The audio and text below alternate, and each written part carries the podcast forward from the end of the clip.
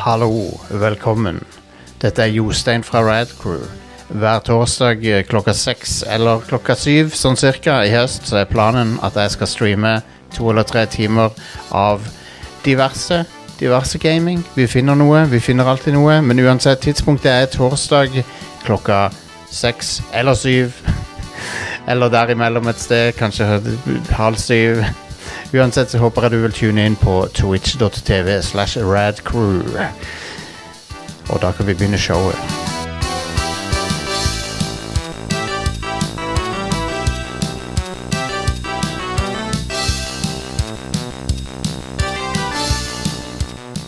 Oi, oi, oi, hva gir dere med? Det er en ny episode av Radcrew. Det er Jostein her fra radcrew.net.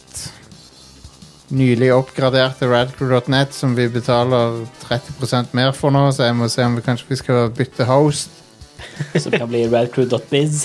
Ja, Ja, det vil jeg gjerne. fordi de oppgraderte oss, og nå, tar de, nå koster det mer penger. Mm. og vi har ikke noe valg. Så, eh, eller vi har jo et valg der, og det er å flytte. Men uh, Ja. du, shout-out til Mediatempel, der uh, hosten vår, som eh, ikke bare migrerer oss, men også fucker opp enkelte ting som gjør at jeg må være på support med de. Du må være på support med de. Fordi de migrerte oss og fucka opp noen ting. Ja. Ja. Så, eh, så sånn er det. Så det var gøy. Det var, det, det var sikkert to timer av livet mitt på noe som jeg ikke ba om. Mm. Så uh, I don't know. Men Jeg er tilbake. Vi skal snakke om gaming. Vi skal snakke om eh, alt som har med gaming å gjøre. Eh, og eh, med meg til å høres ut som en lang episode. Vi skal begynne på 19... Det begynner på 1940-tallet. Der eh, de første regnemaskinene Ah, ble utvikla. For å lage en omelett fra scratch, så må du først finne opp universet. mm. Ja, ja, jep. Eh, IBM de, Nei, vi trenger ikke gå inn på det. Uh, vi, mitt, uh, mitt navn er Jostein. Jeg har med meg rundt bordet her. Are. Og så, Stian? og så har vi med oss eh, fra Oslo Mari. Mari. Jo. Du er jo da kjent fra lyttere av Radcrew Neon som Du er jo Folk tror du sikkert du høres ut som Ida, men du er ikke Ida, sant?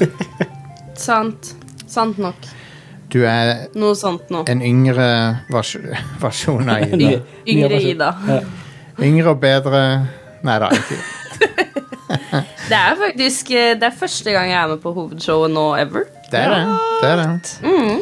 Jeg har aldri vært med på hovedshowet før. Dette er første gang. Det er sant. Jeg har Um, vært med på, jeg har vært med på Nights, jeg har vært med på Neon. Uh, Vært med på Skrelt Lime. Og Skrelt Lime. Men uh, du har vært med på first time hovedshow. hel Ja, det, vet du hva, det er veldig kjekt at du ville være med. Um, du meldte deg på frivillig, og det setter vi veldig pris på. Jeg liker når folk tar initiativ Yeah. og, og hiver seg på. Eh, hva er det vi har på showet? Jo, vi har masse nyheter. Det er sikkert noe Gamescom-greier. Det begynner i kveld, Det begynner i kveld, så det er ikke noe Gamescom-greier. dessverre. Gamescom eh, blir det ikke. Eh, så det, blir, det blir neste uke. ja. Eh, så se fram, se fram til det. Eh, vi elsker det. Vi elsker Gamescom, folkens. Egentlig så gjør jeg ikke det. Um, vil, vet du hva? Du ville ikke funnet meg fuckings død på Gamescom. Eller du ville funnet meg død på Gamescom nå. Det er det du ville gjort. Mm. Du ville funnet meg død på Gamescom. Av covid. Um, 250 000 folk packed på et altfor lite sted. Um, jeg hadde ikke likt å vært der i år. Nei, ikke jeg heller. Hvor, hvor er det det er? I Köln i Tyskland. Ah. Og det er, det er akkurat som E3, bare verre. eh, med tanke på Oh, damn. smitte. Ja, for det er åpent for alle. Fe ja, færre nyheter, mer smitte. Ja, konge. Mm. Eh, Det er kjekt, da. da.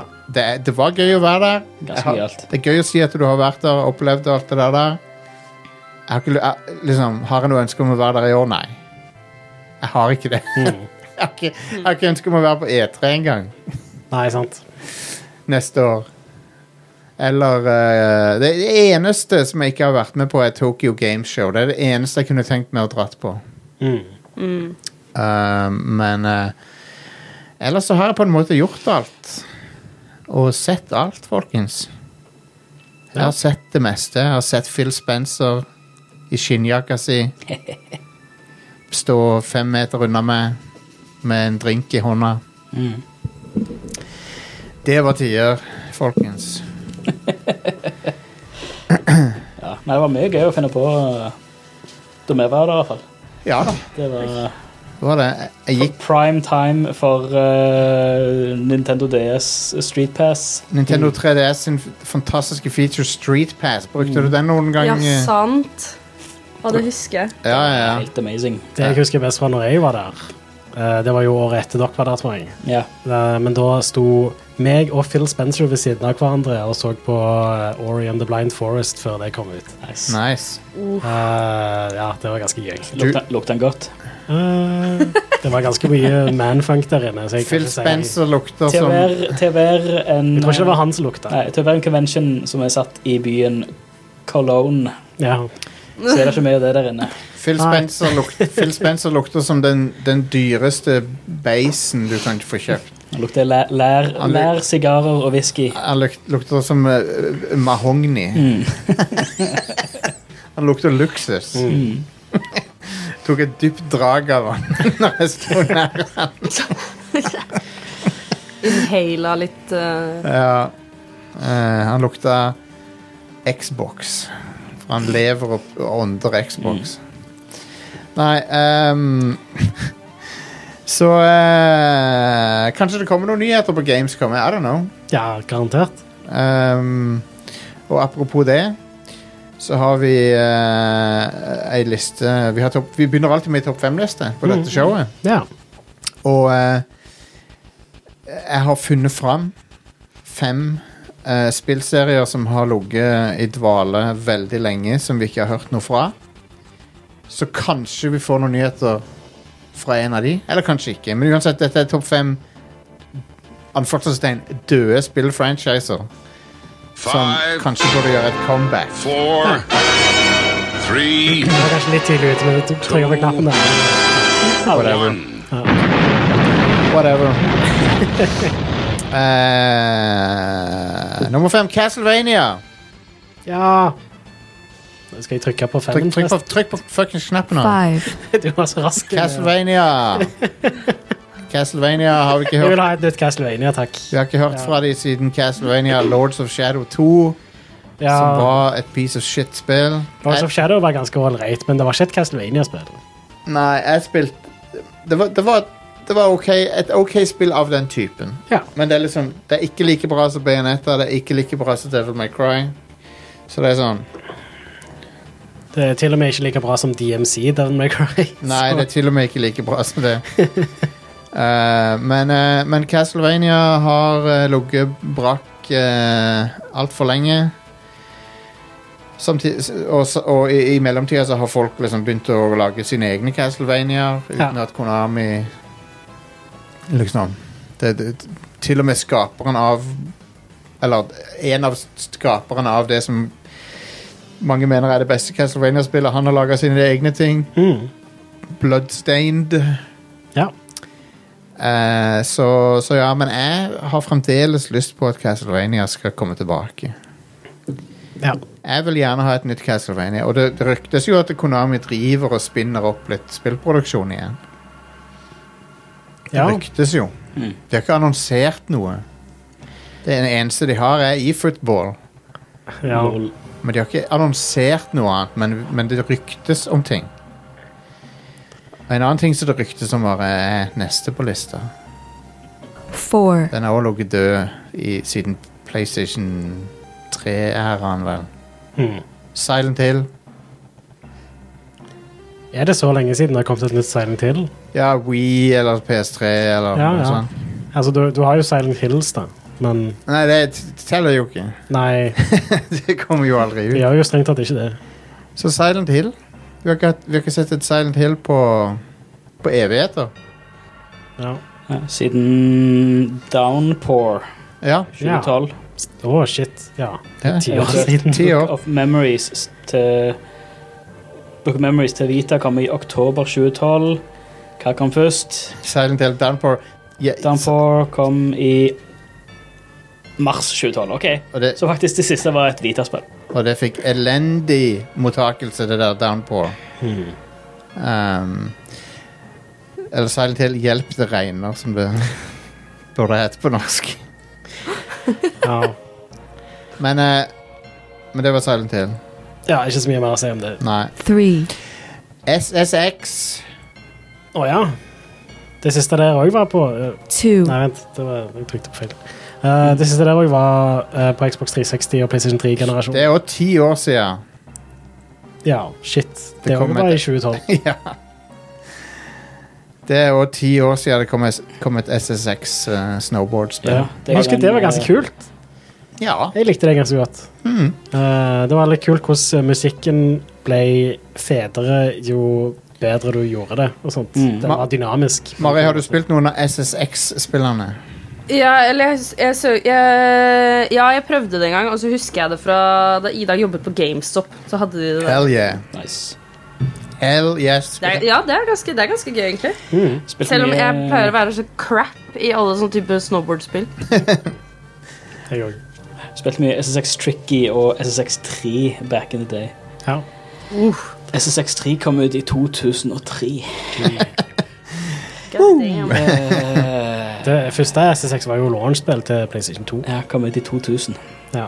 Det, Og Tricky kom ut året etterpå, i 2001. ja. Uh, 21 og 22 år siden. Så, Hello. eh, så har vi på nummer eh, to Så har vi Banjo Kazooie. ja. Det forrige Banjo Kazooie kom i 2008. Det er 14 år siden. ja. Eh, og det ble dårlig mottatt av Banjo Kazooie-fansen. Det var jo ganske forut for sin tid, det spillet. Det var det. Det var crafting Jeg crafting, har bygging aldri hørt om. Banjo, Banjo Kazooie var, var en Mario-klugg-aktig sånn Ja, jeg, jeg ser det Jeg søkte det opp her nå. Det Ja. ser ut som en sånn uh, Crash Bandicoot-type Ja. Ja. Det var en sånn maskotplattformer. Mas Maskotplattformspill, ja. Med, Ja, ja. men det forrige Det siste de lagde, det var sånn derre um, uh, Fokus på å bygge kjøretøy og bygge doninger og sånn. Og drive og Butts and Nolts. Ja, stemmer. Det, men det var, det var Lol, jeg er like gammel som Banjo Kazooie, da, ser det ut som. konge. Love it. Mm. Det Det får, meg, står her 1998. Ja. det får meg ikke til å føle meg gammel. First release 29.6.1998. Da var ikke jeg født engang. Ikke si at, eh, at vi ikke holder oss unge her i Riot Crew. Eh, Nope, faktisk. jeg drar ned, jeg drar ned gjennomsnittet. Ja. Du får, du får eh, kjøpe det på du, man, Det går an å spille på Nintendo Switch, da. Ja, Det gjør det. det Ja. går den der Kanskje jeg må- kanskje jeg må spille det. Altså, Spill heller Mario 64 hvis du skal spille et av de spillene, men, eh, ja. Og Ocarina of Time. men Da Det er spiller også du like gammelt til deg. Men da spiller du heller Super Mario Sunshine. Ja. I don't know. Jeg spilte Sunshine i den nye samlinga. Det, det, det traff meg ikke sånn som det gjorde på GameCube. Jeg vet ikke Super Mario 64 har jeg spilt, i hvert fall. Stine hadde det på DS. Ja, ja, ja. ja, ja. Super Mario Sunshine er et sånt spill som har veldig high highs og veldig low lows. ja Det har noen leveler som bare er sånn fuck you, jeg hater dette spillet. Men så har det noen helt sånn fantastiske ting med seg Så. jeg bare syns Jeg bare syns ikke Flood er noe gøy. Imot, Nei, nei, jeg, jeg digger Flood. Flood er konge. Du har en jetpack, liksom. Hva, De skulle Ja. hatt en uh, det er en kjip jetpack, men det er en jetpack. ja, okay. De skulle hatt en, en Halo-crossover med The Flood. Ja. Jetpack-aspektet er ok med Flood, men å vaske maling vekk Det, det, det oppdager jeg òg med Powerwash Simulator. At det, det er sånn Jeg hater det egentlig. Jeg tror, egentlig. Egentlig så tror jeg jeg hater det å holde på med det. Ja, det faller litt på plass. da. Ekstremt Ja. tilfredsstillende. Ja, jeg, jeg, jeg uh, Det er Simulator er et eh, veldig fengslende spill, rett og slett. Det er sånn Du setter deg ned, og så plutselig så er det to timer siden du skulle ha lagt deg. Liksom. Yes. Men, og, hva, og hva har du brukt ikke tida på? Jeg tør ikke å prøve Kos det. deg med et uh, TV-spill. Ja, Jeg tør ikke å prøve det well Power spent. Force-greiene, for jeg vet at jeg kommer til å bli Ja. Det er også sånn spill jeg er så sucker for. Det Ja, ja, det kommer til å bli min undergang. ja, du, må ikke, du må ikke finne på å prøve det det. på, skru, skru av alle spillyder og sett på uh, podcaster eller lydbok eller et eller annet. Mm. Perfekt. Åh, Det, det, det er det perfekte podcast slash lydbokspillet. jeg ser jo hvorfor jeg, jeg, Altså, jeg ser jo hvorfor det er addictive. Jeg ble jo litt sånn addicted til Power War Simulator, men, men jeg bare, etterpå så føler du det bare Det er som å drikke Plumbo, på en måte. Du blir, sånn der, du blir helt tom innvendig. Men hvis du hadde det gøy mens du spilte det, hvorfor eh, da, da, da er det jo time well spent, tenker jeg. Um, Jeg har lyst til å spille det inn. Jeg har ikke, Du vet har det- ikke rundet den ennå. Jeg må spille mer. Du vet det Av og til så har du Det er, det er litt sånn som å ta tømmerrenna eller et eller annet sånt. Det, det er veldig sånn tilfredsstillende der og da, men etterpå så er det sånn Det, det var ikke en berikende opplevelse, Ja, hvis du skjønner hva jeg mener.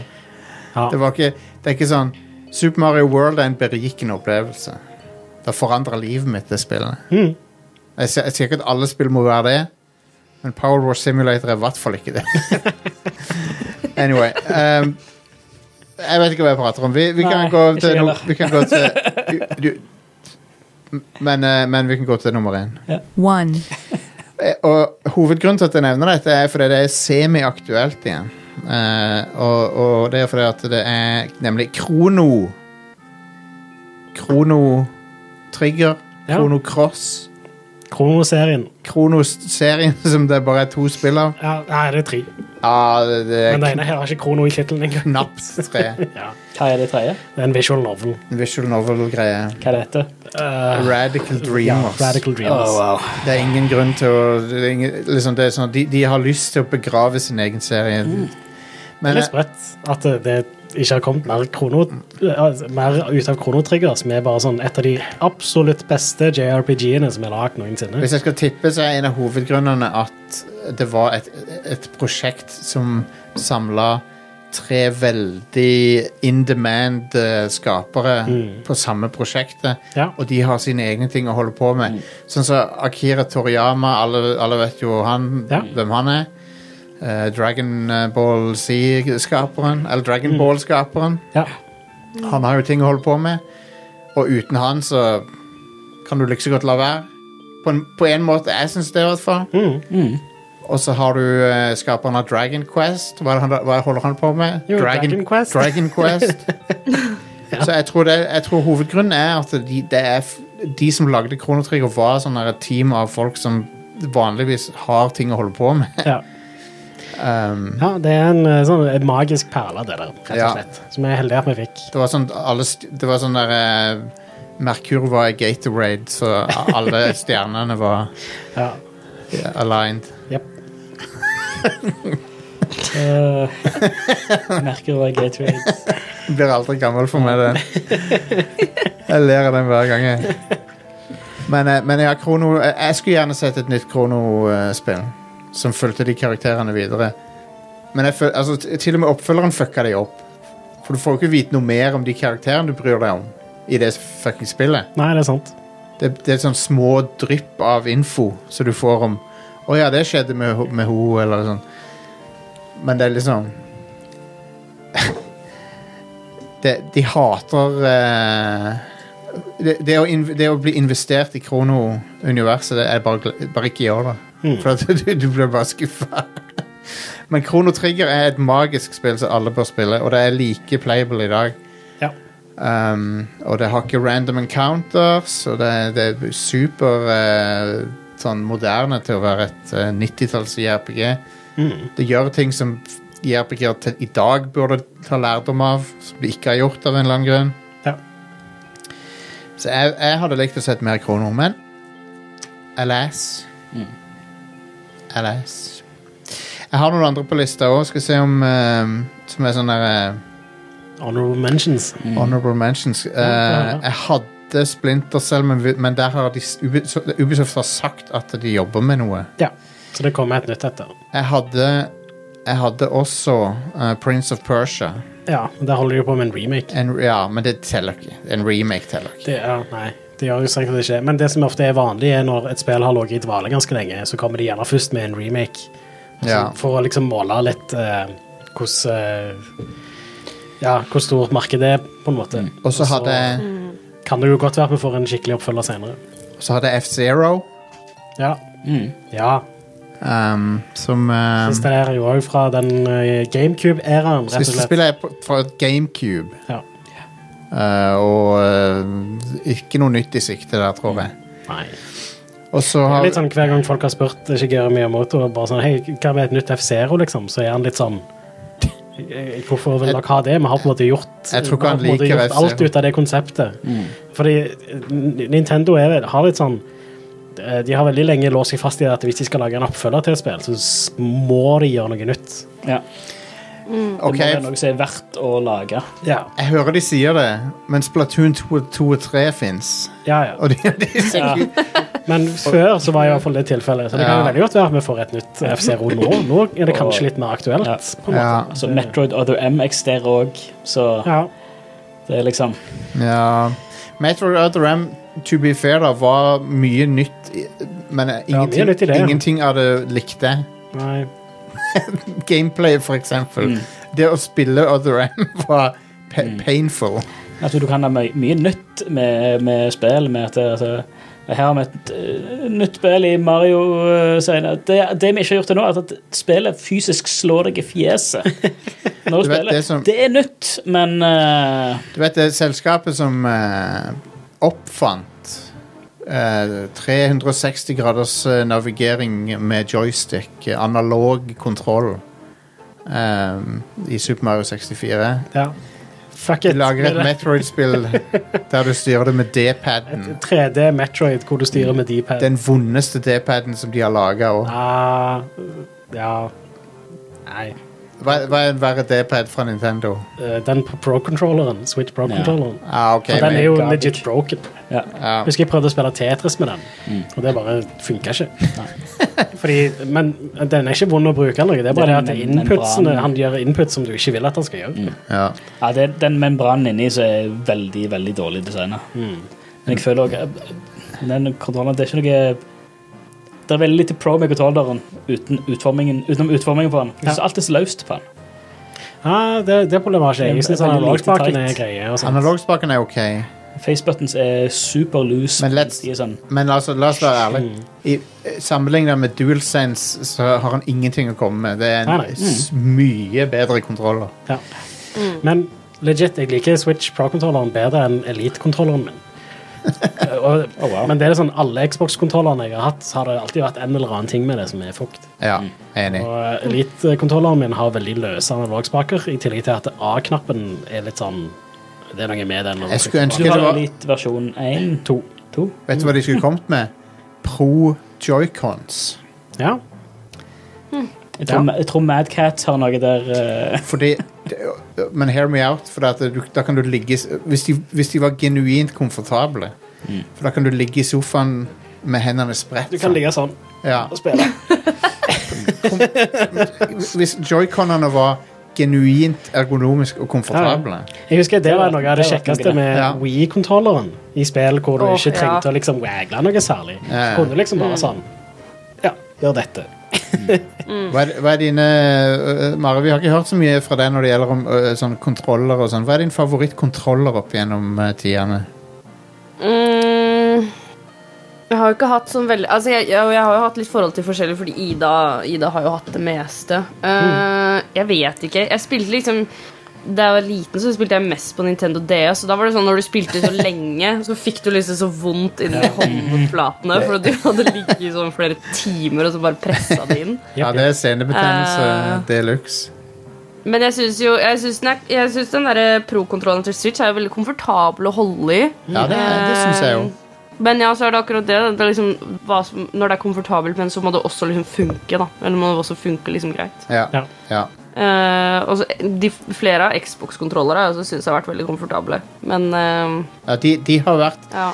Xbox-kontrollere har vært gode siden dag én, syns jeg. Ja, absolutt. Eh, Eneste er bare quality controllen deres er ikke helt uh, på plass. Nei, de har hatt noen ymse issues med dem, men til og med den der gigantiske, men den, men den passer hendene mine, men jeg kan skjønne han var for stor for folk. For han er, han er den, Jeg vet ikke om du har sett hvor stor den er, Mari, men den, den første Xbox-kontrolleren som de eh, som er kallenavnet eh, Han går under kallenavnet The Duke.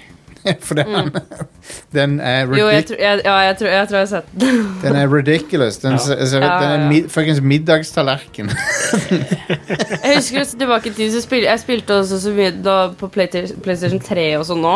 Eh, men når jeg ser tilbake på de nå, for jeg har fortsatt PlayStation 3, og da er de DualShocksene så sykt små ja. i forhold til liksom de hva det er nå. da Men Ja. jeg syns- de også var egentlig ganske greie. I hvert fall for meg, da som har veldig små hender. så, så hjelper liksom det.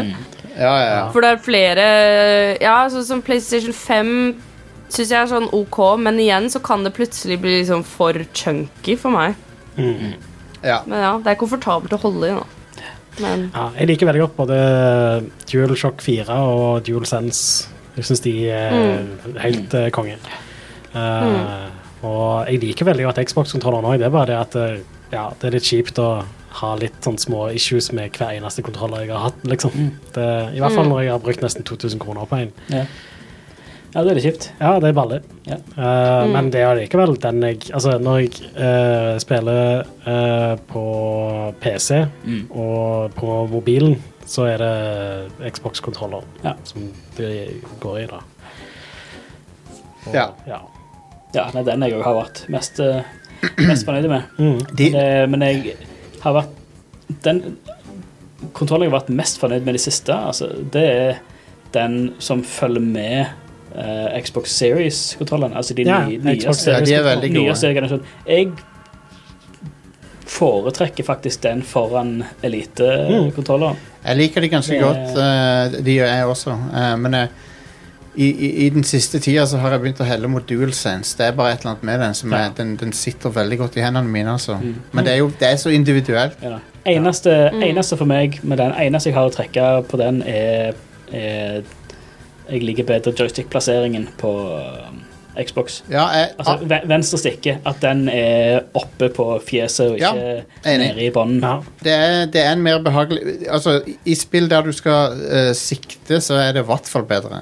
Men det, det som er tingen der, er, og jeg er egentlig ganske enig, men uh, i spill hvor jeg skal spille med D-pad, Mm. så må D-paden være der som den er på PlayStation-kontrolleren og Mm. sånt. Ja. Mens i spill hvor jeg spiller med analogspake, så kan han egentlig være begge plasser, men jeg foretrekker at han er der som han er på Xbox-kontrolleren. Mm. Ja. Så, så jeg Ja, det er bare Ja, jeg blir ikke fornøyd uansett. nesten. Lurer Har de, har de tenkt Når det gjelder den DualSense, har de tenkt på det at lillefingeren hviler veldig godt sånn på ned- undersida? For, Ja. for de gjør det for meg, liksom. Jeg, jeg hviler de liksom under kontrolleren, på en måte. Ja, De passer der, på en måte. Det, det, det er et eller annet veldig nice med det. ja, ja absolutt. Eh, men uansett, eh, nyheter har Ja, vi. nyheter. DualSense Det er eh, vi har tu- Det er de beste Altså, Xbox Series og DualSense det er jo de beste kontrollerne s- som er laga hittil Ja. til, til konsoller. Så PlayStation VR2-kontrollerne ser jo ganske nice ut, de òg. De ser ut som Sony Eriksson-logoen. Ja, men ja, de ser nice ut. Ja, eh, og det er faktisk eh, litt en nyhet om at eh, det- PlayStation VR2 kommer tidlig neste år. Det kan jo Vet du hva?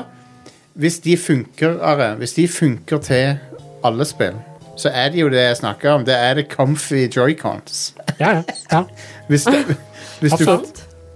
da, da kan du ligge i sofaen med hendene sånn på hver side av uh, Det, det kan jo være være. Den har jo alle knappene og sånt. Ja, jo, jeg tror det.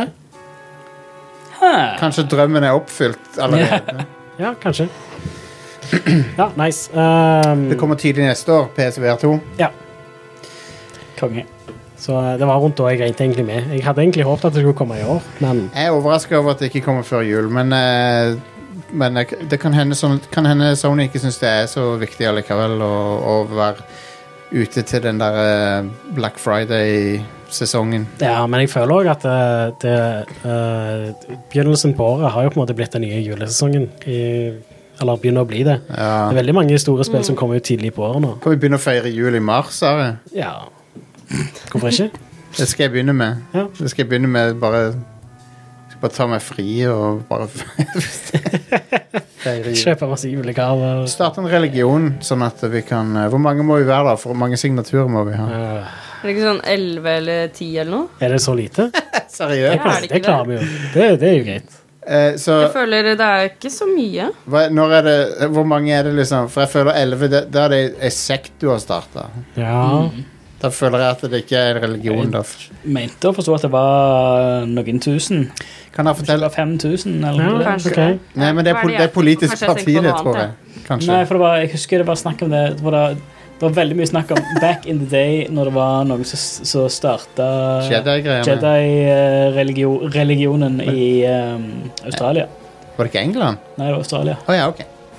Eh, for da var det snakk om at de, var, de måtte ha 5000. Men, men det er jo ting, det er nok ting som varierer fra I Norge så land tror til land for å bli uh, gjenkjent. da. Man må også bli godkjent av fylkesmannen, og så har de litt forskjellige krav. Ja. Ok. Blant annet må man ha et organisasjon, organisasjonsnummer, en trosbekjennelse, og man må treffe statens definisjon på religion. Ok? Hva er statens definisjon på religion? Skal vi se om det står i denne lange Jeg Jeg vil håper det bare, står bare overtro. jeg vil bare ha et inngjerda Jeg vil bare ha et inngjerda compound. Eh, Ja. med en rundt 20-30 folk som er villige til å dø for meg. Ja, det, det, det du beskriver der, er en sekt. Jostein. Ja. Hvorfor har, Kanskje det er sekt jeg tenker på, da. Ja, Men, hvorfor har alle sånne sek... Hvorfor har så defini Du må møte statens eh, definisjon for en sekt for, å få- for å få lov til å kalle deg for en sekt. Fylkesmannen må godkjenne ja, Du vil starte en sekt, ja. Ja. jeg, ja sier, la men meg jeg, skrive under på dette her. jeg sier ikke at alle bad guys Alle som har et compound, er en bad guy, men alle bad guys har et compound. Ja. Og hvis, hvis ikke de har et compound, så er de ikke en ekte bad guy. Nei, nei, du, du må ha et compound. Det, er ikke, det er sånn, det er ikke bad enough for us. For når du leser det sånn FBI raida et compound Å ja, ok. Ja, Ja, ja. Det er alltid et compound. Er det ikke det? Jo. Det er alltid. Alltid noen som har et compound. Apropos et compoundere, så Nei, vi har ikke noen overgang. Death Stranding kommer til GamePass i dag. PC GamePass Ja. spesifikt. Konge. Uh, det spillet er vel ennå ikke på Xbox, men det er jo på PC. Jeg anbefaler det på det sterkeste. Ja, uh, men, Men- den versjonen som kommer på GamePass, er den første versjonen, ikke den Directors uh, Edition. Så, ja. Det er jo stupid. Det er jo fremdeles et bra spill, men Det- eh, Ja. Jo, jo, men den hadde så mange sånn quality of life improvements Mhm. og good shit stappet inn i seg at eh, ja. Men om den er på PC, på Steam og Epic og sånt fra før av, den Directors Cut har- Den kommer jo først på PlayStation 5, vet jeg. Mhm. Men kommer han til PC siden? For, ja. hvis, du liker, Skal vi se. hvis du liker disse spillene Jo, den er på Steam. ja, stemmer. Hvis du liker følgende spill Tetris, Ja. Quop, Ja. eh, Metal Gear Solid Ja. Ja. er det, det, er, det, er vel, det er vel de tre. ja. Death Stranding, det er spillet for deg. ja. Big recommend. Mhm. Uh, det har kommet en uh, uh, voxel-mod til Doom fra Ok. en fyr. OK. Fy søren, så Back. kult det så ut. Back the fuck up. Uh, Hva er en voxel for noe, for de som ikke Voxel er en volumetrisk pixel. Mm. Uh, det er en sammenslåing av de to ordene. Just. Ja, ja, men jeg bare Ta en piksel og gjør den kubisk Ja. eh, i et, 3D Område 3D-landskap. Mm. 3D-landskap. Det var en liten periode på sånn 90-tallet, tidlig 2000-tallet, hvor en del spill uh, eksperimenterte litt med Mm. voxel-teknologien. Delta men det Force. tok aldri helt av. Men det hadde Det var um, Comanche 3, Delta Force. Ja, det var ganske nyttig for spill som skulle ha store, åpne områder. Og, For det kunne du gjøre med voksel. Og, og, det, det, klarer vi nå uten, men på den tida så måtte du ha det- for å få det til. og viktig, det brukte ikke, G, det brukte ikke skjermkortet. Nei, det var veldig CPU-heavy. Ja. Mm. Uh, så ja. Det, Eh, ja. Dragon Quest Builders 2 er jo et eksempel på voksler. Det, det, men, men det er ikke ekte voksler. Nei, men det er i Per, per uh, Ja, Men per per presentasjon. Ja, ja, ja. Ja da. Astroneer Eh, og du har uh, Men ja, Doom ser jo allerede litt sånn uh, chonky ut i grafikken, så det å konvertere det til voksel, det gjør sånn at det bare ser helt naturlig ut. Ja, det- Ja, ja. Det, Så- det så jeg Jeg så den der Chilo Nash-videoen. Ja. Det så dødsbra ut. Mm. Det, det, det så ut som det var meningen at det skulle se sånn ut. Ja, det helt, og de hadde jo lagt til en, en co-op-mod i tillegg, så Ja. det var helt ridiculous. Awesome. Så ja. Eh, Doom er forresten gratis, folkens, så det er Ja. ingen grunn til å ikke sjekke ut dette her hvis du vil ha litt eh, klassisk FPS-action. Doom er et eh, yeah. Doom er et kult spill. Og mens vi snakker om Doom, så er dette en liten sånn gladsak, da, som egentlig bare er spillrelatert pga. Doom.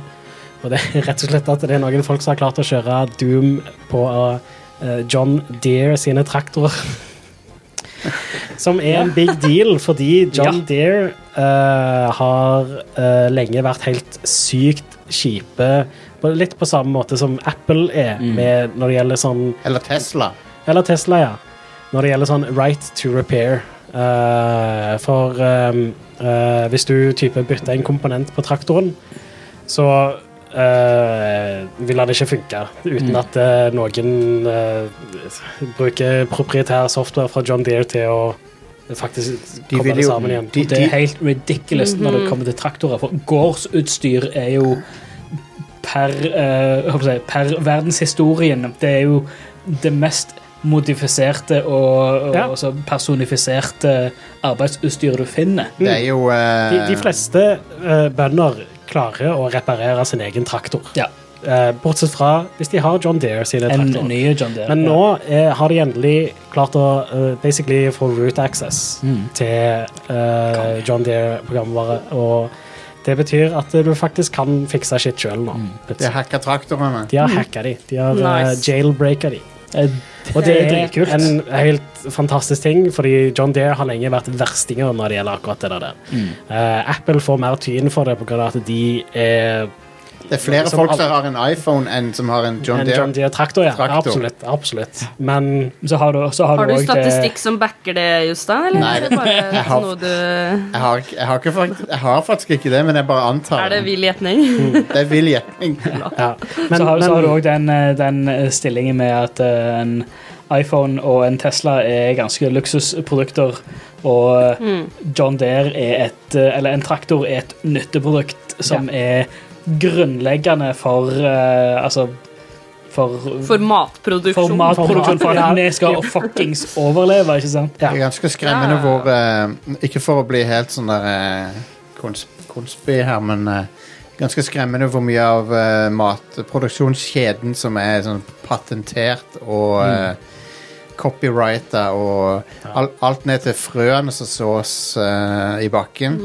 Ja, men det er, det er jo bare en naturlig konsekvens av kapitalismen. Det, er- det er jo det. Og det er for øvrig Amen. det at eh, John Deere prøver å gjøre sånn at kun de kan reparere produktene de selger, er jo òg et resultat av kapitalismen. Ja. Er det. Og Down with it. det, har, det, det burde være ulovlig å gjøre sånn som det.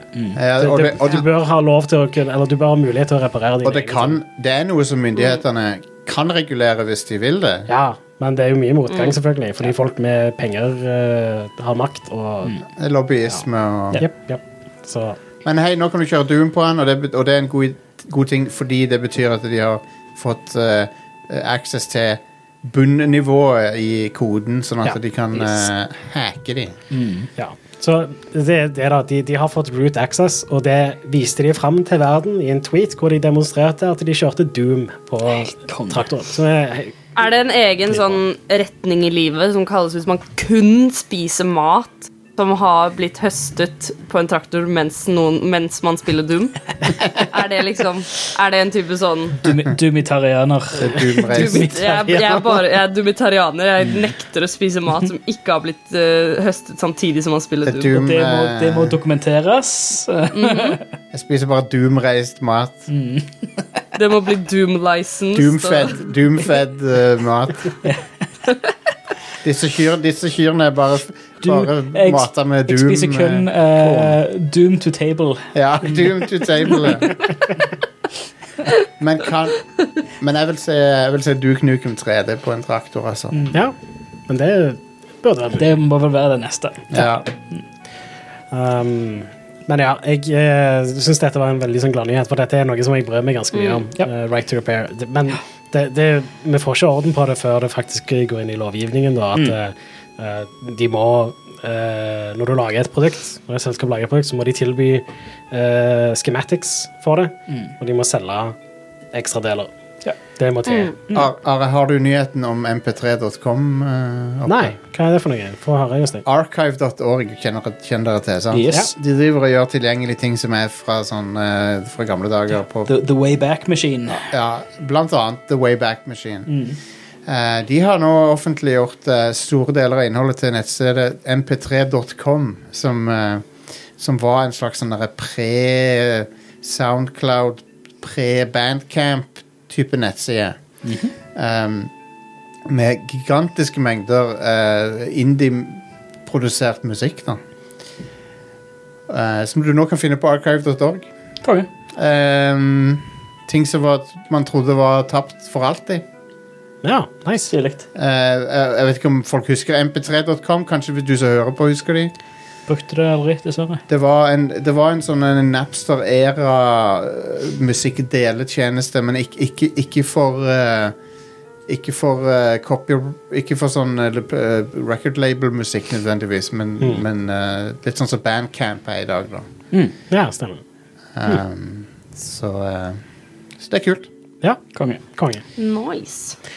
Uh, Embracer Group uh, fortsetter å kjøpe spillstudioer. Uh, Det shoppes. Ja. Kanskje de bør lage begynne å lage bra spill heller? Ja, kan, ja. Før de kjøper flere fucking studioer. Uh, ja, de har kjøpt um, Tripwire Studios, som er de som lagde Killing for og Maneter. Maneater. Ja. Maneater. Maneater. Maneter. Det var faen meg et kongespill, det. jeg liker det at han skaperen av Maneater bare måtte fordufte fra nettet fordi han var, sa masse tullball om eh, pro, så, såkalt pro-life-tweets som han kom med. Ah, ja, det var jo sant, ja. Og så var det bare sånn ah, OK, I'm out. Uh, men ja, de, de har uh, kjøpt enda mer shit. De har kjøpt uh, Tuxedo Labs, som er de som lagde vokselspillet Teardown. Å ja. Det er et uh, moderne vokselspill, faktisk. Jeg mente ikke å være spydig mot eh, Embracer Group, men de har jo gitt ut En av de største titlene de har gitt ut nå, har, er, er en flopp. Men hva var det nå igjen? Saints Row Å ja, ja. har ja. blitt slakta. ja. Anyway, fortsett. Uh, de har også kjøpt Limited Run Games, Ja. som er Det vet jeg ikke om jeg likte så godt at de har kjøpt de. Nei, men Eh, I don't know. uh, Det eneste jeg har fått med meg uh, om det oppkjøpet, egentlig er bare en tweet jeg så fra Jeremy Parish, som jobber i Limited Run Games. Ja, Og han virker ganske positiv til det i henhold til okay. uh, at de, han skulle egentlig bare fortsette å gjøre det han alltid har gjort for okay. Limited Run Games. Ok, jeg håper Så- det. Jeg håper det. Det er jo, Limited Run Games de er jo eh, De stiller jo sin stolthet bak, bak å gi ut fysiske kopier av spill. Ja. Samme hvor få copies det er, så, er det, så skal dette spillet gis ut fysisk. på en måte Mm. Så det er jo litt kult at de holder på med det, da. ja Men, det det. eh, men ja. Så ja. Um, Embracer, altså. Når skal de slutte å vokse? Um, tøft å og Ja, I don't know. Vi Ja. kommer vel til jeg har, ikke, jeg har ikke spilt Saints Row, så jeg skal ikke uttale meg om det, men etter alt å dømme, så, så er det ikke så jævlig bra, altså. Dessverre. Jeg syns det så ganske bra ut. Jeg syns det er fett ut. Jeg eh, kommer, kommer til å spille det før jeg eh, jeg, jeg skal spille det uansett. Ja. Eh, for det, ja, det er andre spill i den serien som har vært like store slakt som har vært dødsbra, liksom. Så Jeg, lik, Ja. jeg likte tre og fire, Ja. men Jeg, eh, jeg syns tre og fire var ganske sånn De hadde i hvert fall en veldig sånn eh, fin sjarm med seg. Men, og, og de, var, de var kjekke nok, liksom. Men jeg følte Jeg var på en måte ehm, Jeg følte at oppdragene var for lange, og det var mye som, med de som jeg ikke likte. da Men eh, jeg spilte gjennom begge to og syntes de var greie. Men jeg føler ikke at jeg, jeg trenger ikke et nytt Saints Row-spill i livet mitt. Jeg, jeg, jeg, har lyst på mer Saints Row, Ja. og jeg har lyst til at det skal Så- være bra. Så, så, jeg, så og, og altså GTA Det tar så jævlig lang tid å lage GTA-spill at mm. Ja, Nå spilte jeg jo nylig GTA 5 på ny, da. Ja. Så, så jeg er egentlig litt sånn mett på den type spill. Ja. Så Fair det, det er nok mest det som farger Fair enough. fair enough Ok, uh, sorry, det var en avsporing fra fra min side. Nei, nei, det Men Embracer Group driver og kjøper opp ting. Ja. Uh, en annen nyhet er at uh, Weta Workshop skal utvikle et Ringenes herrespill. Oh yes. Hva Hva spill har Weta Workshop utvikla tidligere? Ingen. Hva meritter har de når det kommer til spill? De, men, ingen, men tenk, tenk på at de har utvikla Altså, de har vært pionerer i å utvikle grafikkteknologi, Ja. i det minste. De har utvikla crowd-fysikk, som, som de var veldig tidlig ute med. For eksempel til eh, Til Ringenes herre. til. Ja, til Ringenes herre. Så, ja. Eh, de, har, de har vært helt i, i fronten når det gjelder uh, eh, grafikkteknologi, i det minste. Så, de, så den delen har de. Ja. Så det kommer til å se bra ut, i hvert fall. Og så får vi se, da. Men, men og, og så må vi huske på at de har Warner Bros over seg. Og Warner Bros kan gå begge veier, for de har bra spillutviklere i Warner Bros, liksom. ja. Det, det er sant. Um, jeg tenker mest at det, uh, det er et um, studio som er veldig anerkjent for filmproduksjon. Ja. Og de, de gjør en veldig god jobb der. Og da tenker jeg at eh, mest sannsynlig så er det ganske bra kultur inni det selskapet. en Veldig sånn produktiv kultur. Og jeg ser for meg at det, det sikkert gjenspeiles i spill, men det er jo Vi vet jo ikke. Nei. Men, men sant, hvis, du, hvis du hørte at uh, George Lucas Det er sikkert mange som tenkte det samme om, om Lucasfilm Games på 80-tallet òg. Altså, hvorfor skal de lage spill, liksom? Ja, men de endte jo opp med å lage veldig mye bra. De lagde kongespill. Ja, Så det, så det er litt samme scenario, på en måte. ja det er jo det. Um, Eh, så, men det, det er jo greit. De har jo ikke noen merits uh, innen spillindustrien fra før av, nei. Det er sant, det. Uh, men uh, ja. Det, det, det er greit å være litt uh, cautiously optimistic, tenker jeg. men, men hva slags spill skal det være? Det, det er, jeg er veldig spent på liksom, hva slags type spill det er. Kart Racer. For det er ikke et MMO, det kan det ikke være. For det, det, er, ingen som, det er ingen som har balls nok til å lage et MMO nå om dagen. Ja, nei. Uh, det skal være veldig sånn forskjellig fra noe fansen har spilt tidligere, sier de. Å nei! Det er, det er en card battler. Ja. Card Battler Det er, Moba. det er blir Yu-Gi- Yu-Gi-Oh! bare med Lord of the Rings. Yes. Det kommer om ei stund, da. 2024, sier de. Det, er Bay, det er Beyblade bare med Lord of the Rings. Ba, du, spin, Sign me the fuck up. du, spinner, du, du spinner sånne ringer. Akkurat som i Bay, Beyblade. Det er egentlig bare slå på ring, bare digitalt. Konge. Der har du det, Mari. Du, you're hired. Yes. Ja. eh, siste nyheten er en uh, kjip en om spillindustrien eh, i dag, Yay. som det eh, veldig ofte har Jeg sa jeg ville ha den gode nyheten til sist og den dårlige først. Å ja, gjorde du det? Nei, jeg gjorde ikke det. Nei, okay. Jeg burde sagt det. Ja, du skulle ja, kunne begynt. Too late now. Ja, det er litt seint. Uh, Kotaku har kommet med en rapport om at uh, det, det gjelder vel mest kontraktører i Nintendo, men generelt sett i Nintendo of America, så ting er ikke greit der lenger. Nei. Nei. Vi har hørt, vi har hørt Vi har hørt uh, tidligere ting, men det har ikke Det har vært litt sånn eh, eh, røyk, men det har ikke vært ild, på en måte. Ja. Uh, og altså, jeg husker for eksempel en kommentar fra han um, Reggie Fils-Aimé forrige gang det Ja, var i nyhetene, var stemmer. at eh, det, dette er ikke det Nintendo som han forlot, på en måte. De, kanskje de ikke burde ansatt en, det, det, Jeg repeterer sikkert denne vitsen Ja. fra sist gang. Kanskje de ikke burde ansatt en fyr som heter Bowser, som sjef. Ja, kanskje det. Mm. Literally fyren heter Bowser. Ja. Uh, That's men, where it all went wrong. men ok, det, det, var, det var den. Nå fikk jeg den ut av veien. Mm. Men ja, jeg anbefaler folk å bare ta en tur innom Kotaku og lese. Men uansett, så kort oppsummert så er det jo kjønnsdiskriminering, kvinnelige ansatte som tjener mindre enn mannlige, og sånne ting som det. Og uønska oppmerksomhet av seksuell art og øh, masse kjipt. Det er The Ho- Wholesome Family Nintendo som vi liker å høre om. Det. Jesus fucking Christ. Men det, det bør sies at dette er Nintendo of America. Ja. Og reflekterer ikke nødvendigvis tilstanden i Europa eller Japan. Nei, det er sant. Um, Og det virker jo også som at dette er en nokså nylig utvikling for Nintendo of America, så jeg er litt sånn nysgjerrig på hva det egentlig er som foregår. ar- arbeids, arbeidskulturen kan endre seg raskt hvis, hvis man ikke er veldig sånn eh, har et veldig sånn eh, bra regelverk for det, og, og, og, og det kan hende det som fungerte under Reggie og hans regime, kan hende det i, når, når ledelsen byttes ut, så kan det hende det plutselig ikke fungerer lenger fordi at det, kanskje det har vært litt sånn her tillitsbasert og, og ikke så veldig sånn her skrevet ned Mm, absolutt. Absolutt. på, på papir, liksom. Ja. Og så har det endra seg litt sånn på grunn av det at det, det, det har fungert under Reggie, men det har ikke fungert under den nye ledelsen, på en måte. Og veldig ofte i sånne situasjoner så er det sånn det, det, det blør ned fra ledelsen. Ja. Det, det, det, Så, ja. Nei, det er balle, rett og slett. Uh, og Er det din offisielle kommentar? Det er min offisielle kommentar.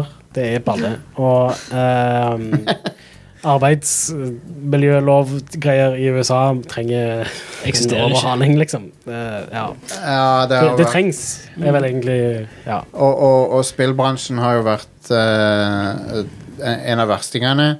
Ja. Um, sammen med Hollywood, som uh, jeg tror vi alle kjenner til. Jeg vet egentlig ikke helt om det er en av verstingene, eller om det bare er standarden der ute, men vi får det med oss fordi vi bryr oss om spill og sånt. Ja, du har jo hatt Det er jo en annen uh, altså, Men jeg føler underholdningsbransjen Ja, det, Ja. Kan, det, kan det, fordi, det kan hende det er fordi vi følger så mye med på underholdningsbransjen. Jeg har hørt at det er ganske ille for sånne um, visual effects artists og sånt. også. Ja, jeg skulle, jeg skulle til å nevne det. Jeg skulle til å nevne det. det har jeg hørt mye om òg.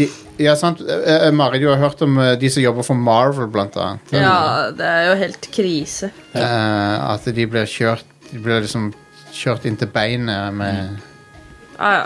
effekts... Det, det er ikke greit. Nope. Ja. Det, det, det er ganske mange TikTok som gjør narr av arbeidsvilkårene for sånne Marvel-kontraktører. Mm. Noen av de er morsomme, men sånn morsomme på en trist måte, da. Ja. Um, Men så hører du jo altså, um, uh, sånn helt andre industrier, sånn som SpaceX.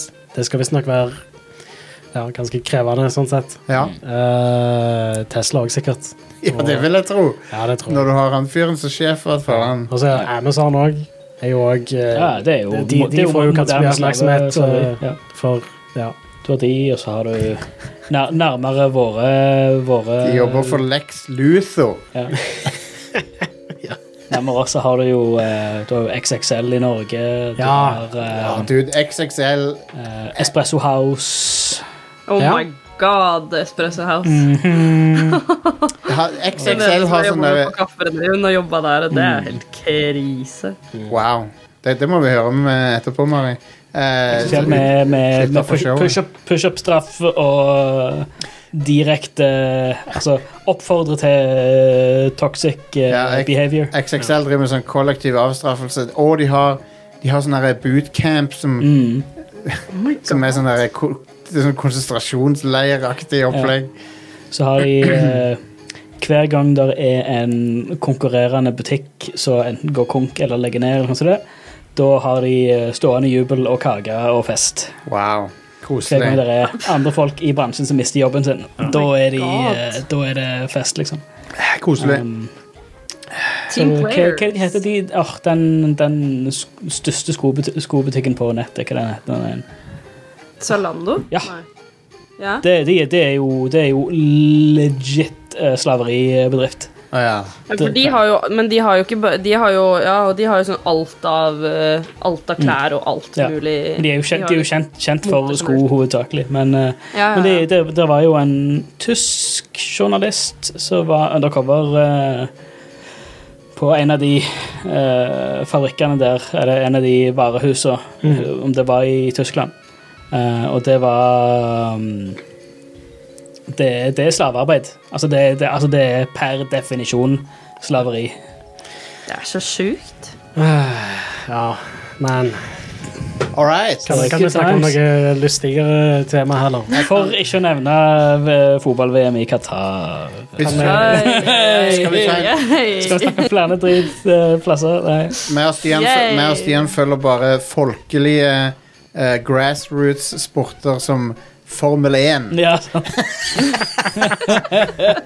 Der det ikke er noe shady som Ingenting. foregår. Uh, Ingenting. Nope. Eh, men ok, vi, Are, jeg, f- jeg foreslår at eh, vi tar en pause før vi går til utgivelsene. Right. Um, og så tar vi de etter pausen. Så vi er straks tilbake, folkens. Eh, don't change that dial eh, og eh, alt det der. da.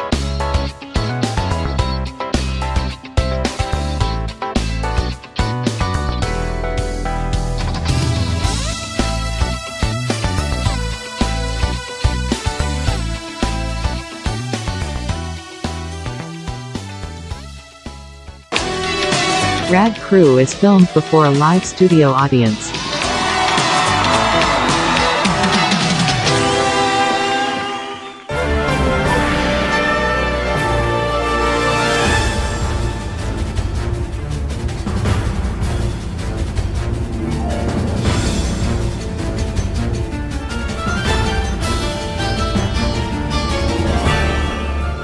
Tilbake. Ja.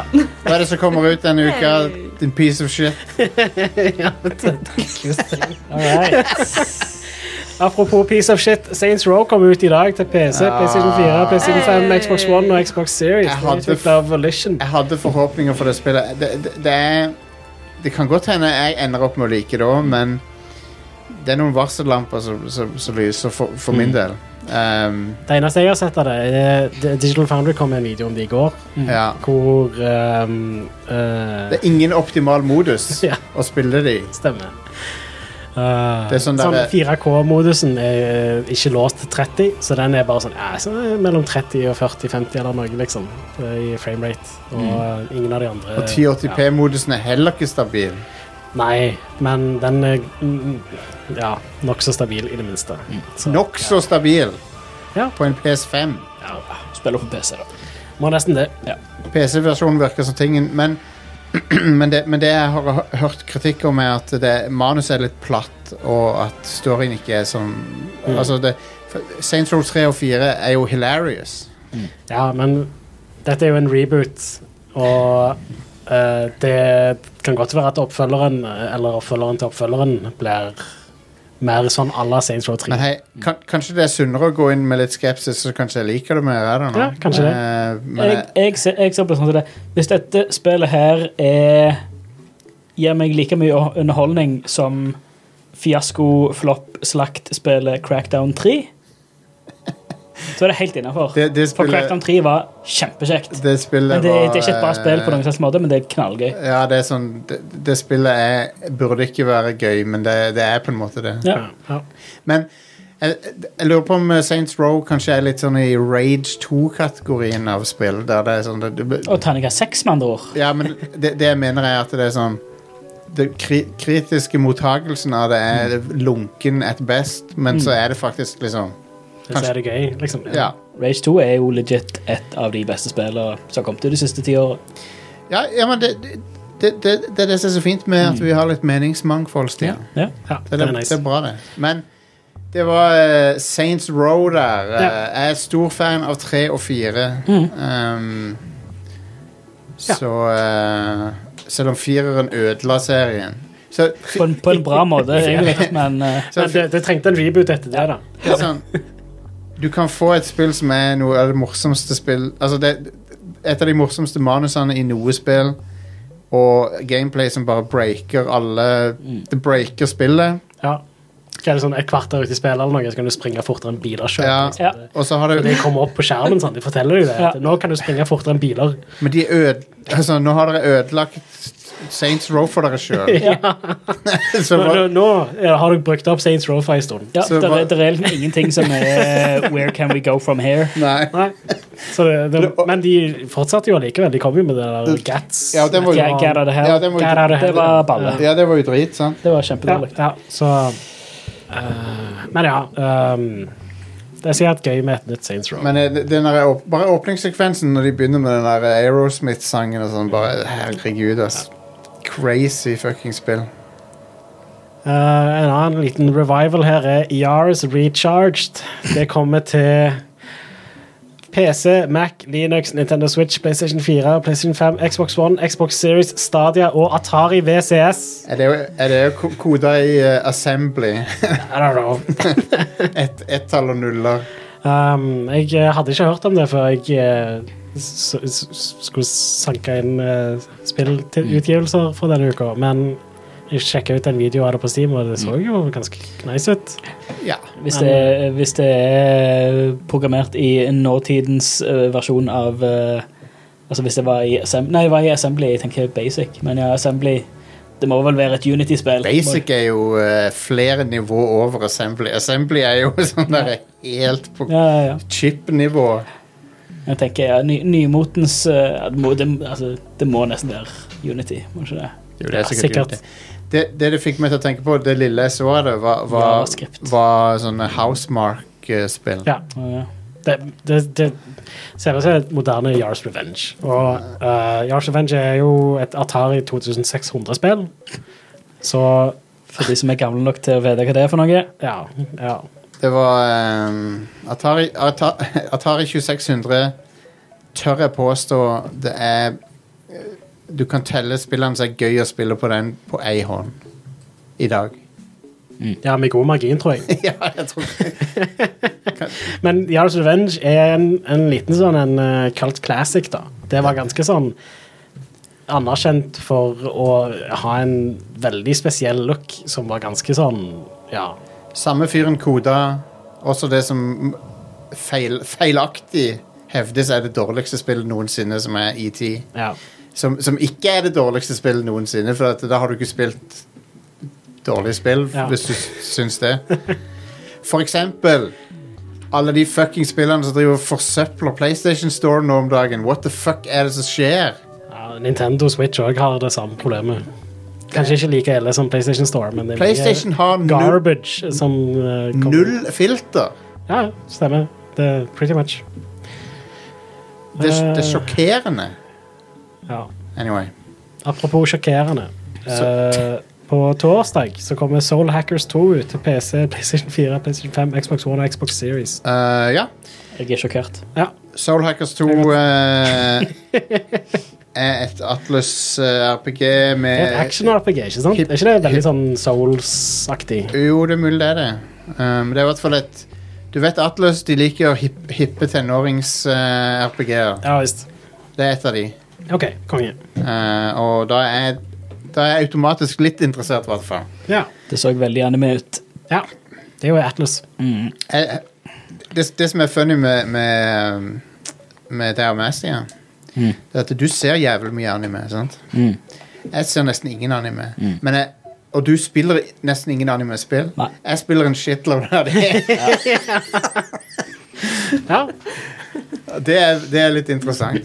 ja, det er jo faktisk en ja, en grei observasjon. Ja. Det var bare Interessant. Det var, ikke en, eh, det var ikke en vurdering av noe, eller noe, det var bare en observasjon. En nøytral observasjon. Men du burde jo tar- faktisk vi tar sjekke den. ut mer anime-shit. Jeg Jostein. burde se mer anime, men, Ja. jeg, men jeg, det jeg er veldig keen på, er å se mer 80-talls- og 90-talls-anime. OK, jeg har den perfekte serien. Ja, jeg vet det. Jeg vet det. Eh, ja. Men òg en annen en. uh, Jeg bare liker den håndanimerte estetikken veldig godt. Eh, det er en serie fra tidlig 2000-tallet som ennå ser fantastisk ut, og det er Ghost in the Shell Standalone Complex. Yes. Ja, ja den, den skal jeg sjekke ut. Den bør du absolutt se. Den streames ikke på noen plass nå i dag, så du må Nei. nesten ja, enten få tak i Blu-ray eller DVD eller piratkopiere, men eh, absolutt verdt å sjekke ut. Nå er jo òg de tre compilation-filmene av originale Gundam-serien er på Netflix nå. Ja, Så det er. Gundam The Movie 1, 2 og 3. Eh, og det er jo Ja, en Netflix har fått mye anime i det siste. Ja, det har Ja, fått sykt mye. sykt mye. Eh, eh, men ja, du Du låner vel Blu-rayene Mm. av den? Ja. Eh, det er HD remaster, og det ser skitbra ut. Eh, og det er jo 1979, så det har den der perfekte rest- retro-anime med litt mekkas og, og Yes. veldig smooth estetikk. Så er det veldig, Oh yeah, baby. Så for det, for det så jeg. Det anbefales. Fucking Legend of the Galactic Heroes. Jeg, jeg, jeg, har, jeg har lyst, OK, men jeg, jeg spiller mye. Spiller mye dataspill. Eh, blant annet så har jeg spilt ehm, Jeg har spilt et spill som jeg kun har lov til å si at jeg har spilt. Eh, jeg er i besittelse av The Last of Us Part 1. Ja. Skal jeg si dere hvilket spill som er kult? The Last of Us Part 2. Det er et jævlig kult spill. det kan jeg snakke om. det spillet jeg eier. ja, det er helt fantastisk. Eh, det spillet er awesome. Eh, og Hey, The Last of Us er òg et fantastisk spill. The Last of Us, er, The Last of Us det opprinnelige og remasteren fra 2014 Ja, Hvis du skal spille det i dag, så er det jo helst uh, PlayStation 4-versjonen du bør spille. De spillene kan jeg si hva jeg vil om. De, har, de er gitt ut, de finnes. De er, det, det, det opprinnelige Last of Us, veldig godt spill. Kan anbefale det. Kan ikke si noe om remaken ennå. Jeg er gira på å streame part one med Stian. ja, Ja, Det blir kos. det blir gøyalt. Um, men, jeg, men ja, jeg har, det, jeg har den kopien, eh, så, så vi skal dekke det i, eh, i tide til releasen. Ja. For det, det er vel neste uke det kommer ut, ikke det? Ja, Ja, stemmer. det er det. Så vi snakker nok om det neste uke.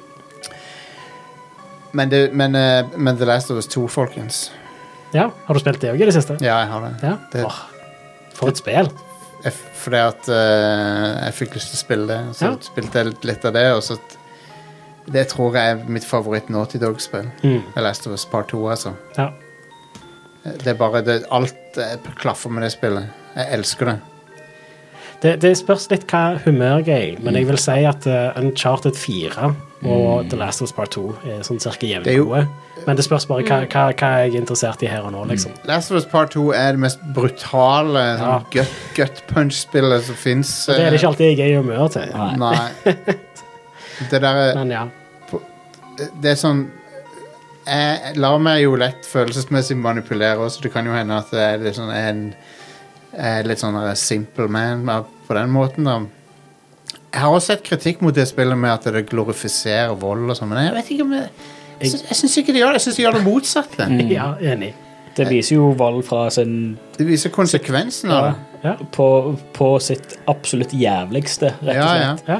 Og så Eh, det, det, Både fysisk og emosjonelt, og, og konsekvensen av det, som sagt. Ja. på, Eh, på slutten så- av på, det, det er et av de få spillene Metal Gear Solid 3 er det eneste andre jeg kom på i farta, der hovedpersonen blir permanent eh, skada. Mm. Eh, på slutten av spillet. Der eh, Når hun sitter og prøver å spille gitar, og så mangler hun fingre, så hun klarer ikke å spille den kan ikke spille lenger, ja. Nei, ja. hun klarer ikke å spille den sangen lenger.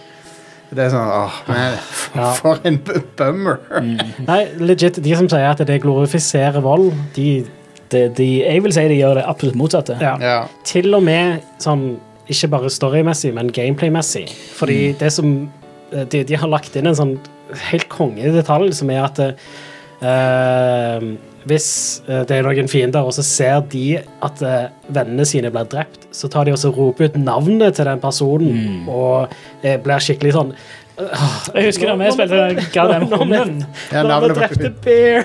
Ja, og gråt, kvalt skrik fra en sånn random henchman. Pe- Pacinga i det Jeg fikk så vondt. Ja, Åh, Pa- Pacinga i Last of Us 2 er jo perfekt. Den er, den har, det, det er sånne lange eh, sek sekvenser der det er et sånt lavt tempo, og så skjer det plutselig noe som bare er bang, bang, bang. Skikkelig spennende.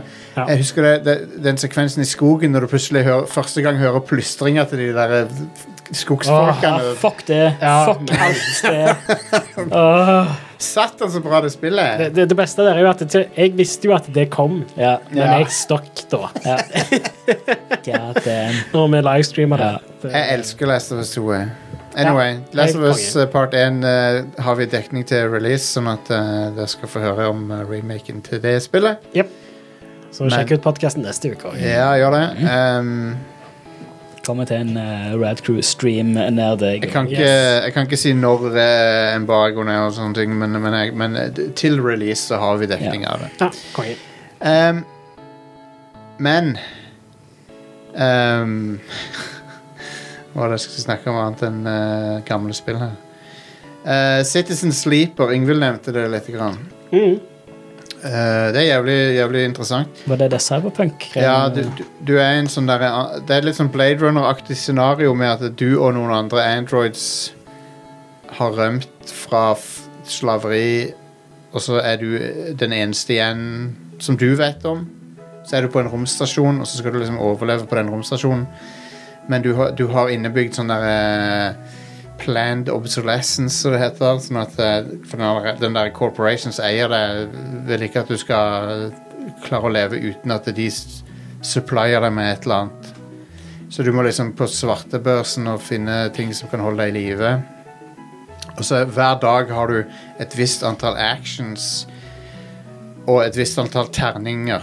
Så, så det, er, det, er veldig sånn, det er litt sånn penn og papir-inspirert også med at mm. du, har, du har ting du er god til, og du har ting du er dårlig til. Uh, det velger du i starten. Så jeg valgte at jeg er veldig god til å interface med datamaskiner. Så du, du har et visst antall actions hver dag, og så må du passe på at du spiser. Du må passe på at du får tak i mer av det der eh, druggen som du ellers ville fått fra den corporation, så du kan holde deg i live.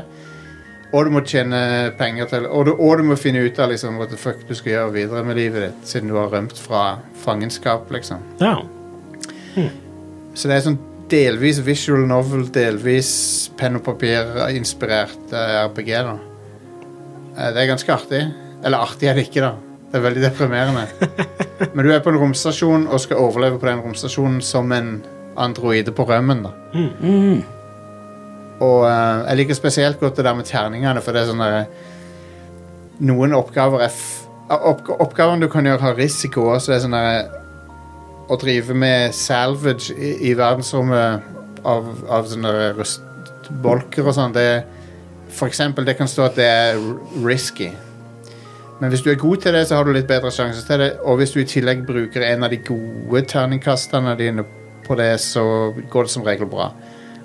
Men, du har, men terning, terningene er sånn forutbestemt, så du har liksom en terning som er fem. Du vet du kan trille fem på den tasken.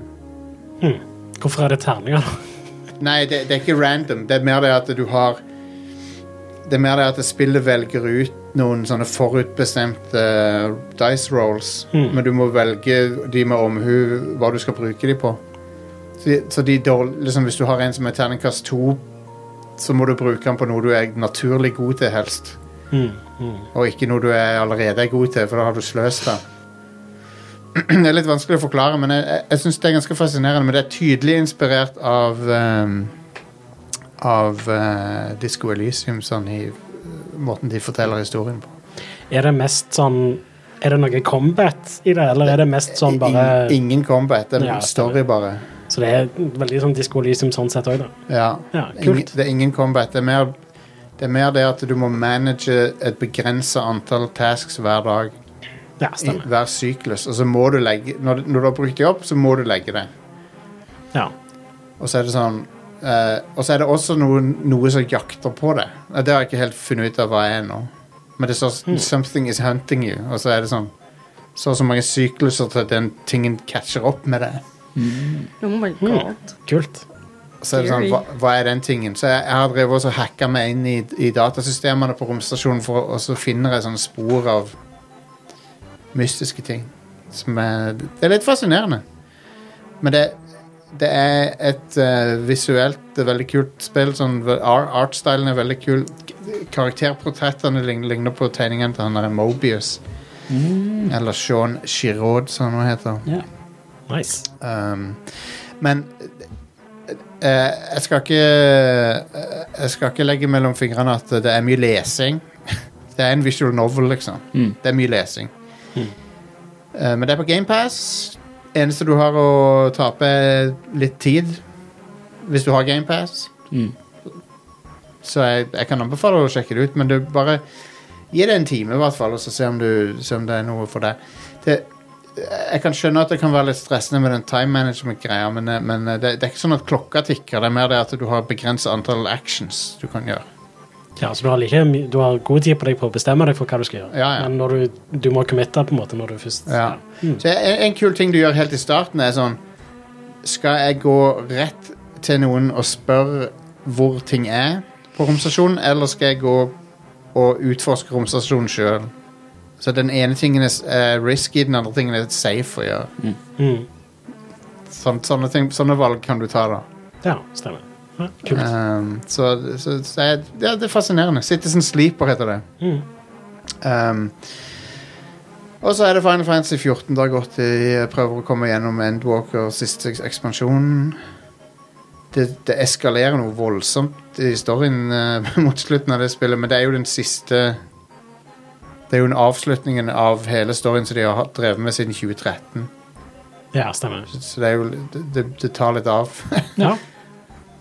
Og uh, uten å spoile noe, så i I, um, i uh, Dette er ikke en stor spoiler, men det, det er bare en veldig, veldig kul detalj.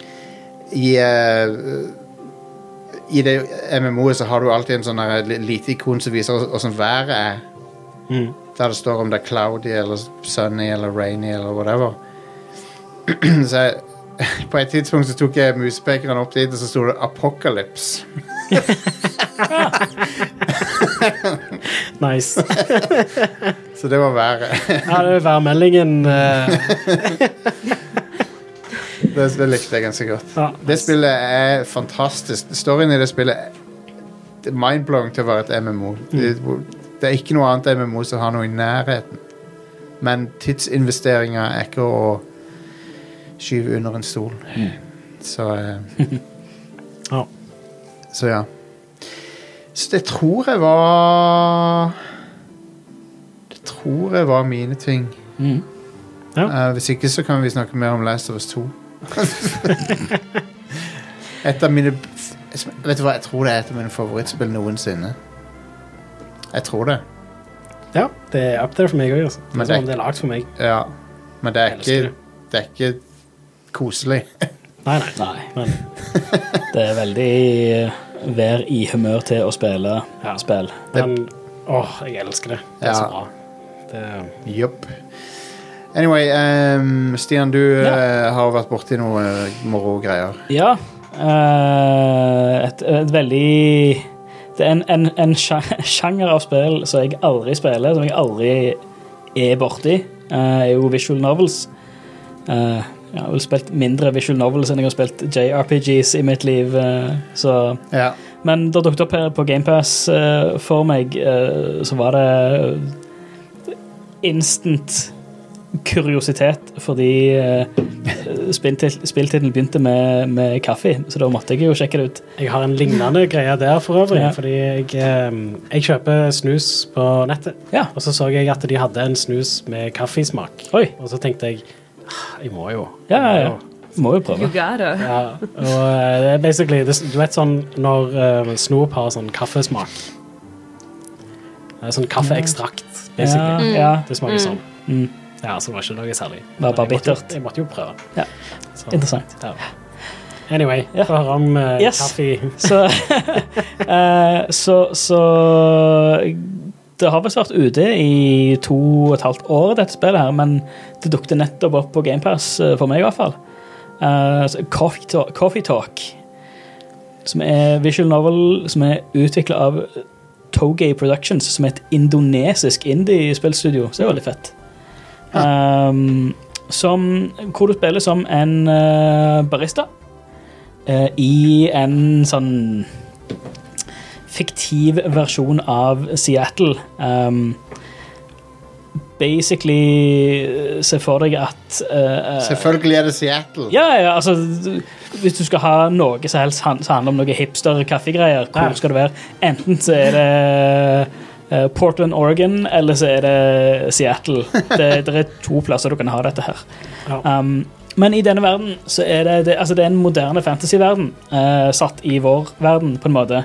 Hvis det makes sense. Um, uh, at det der er, der er alvor, der er orker, der Ah, okay. er succubi, der er Atlanteans eh, Vampyrer og varulver og masse forskjellige Er det litt sånn Shadowrun bare nåtida?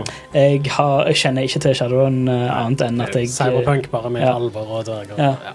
Ja, kan, ja, kan godt være. Bare dette her er realistisk nåtid, liksom. Ja.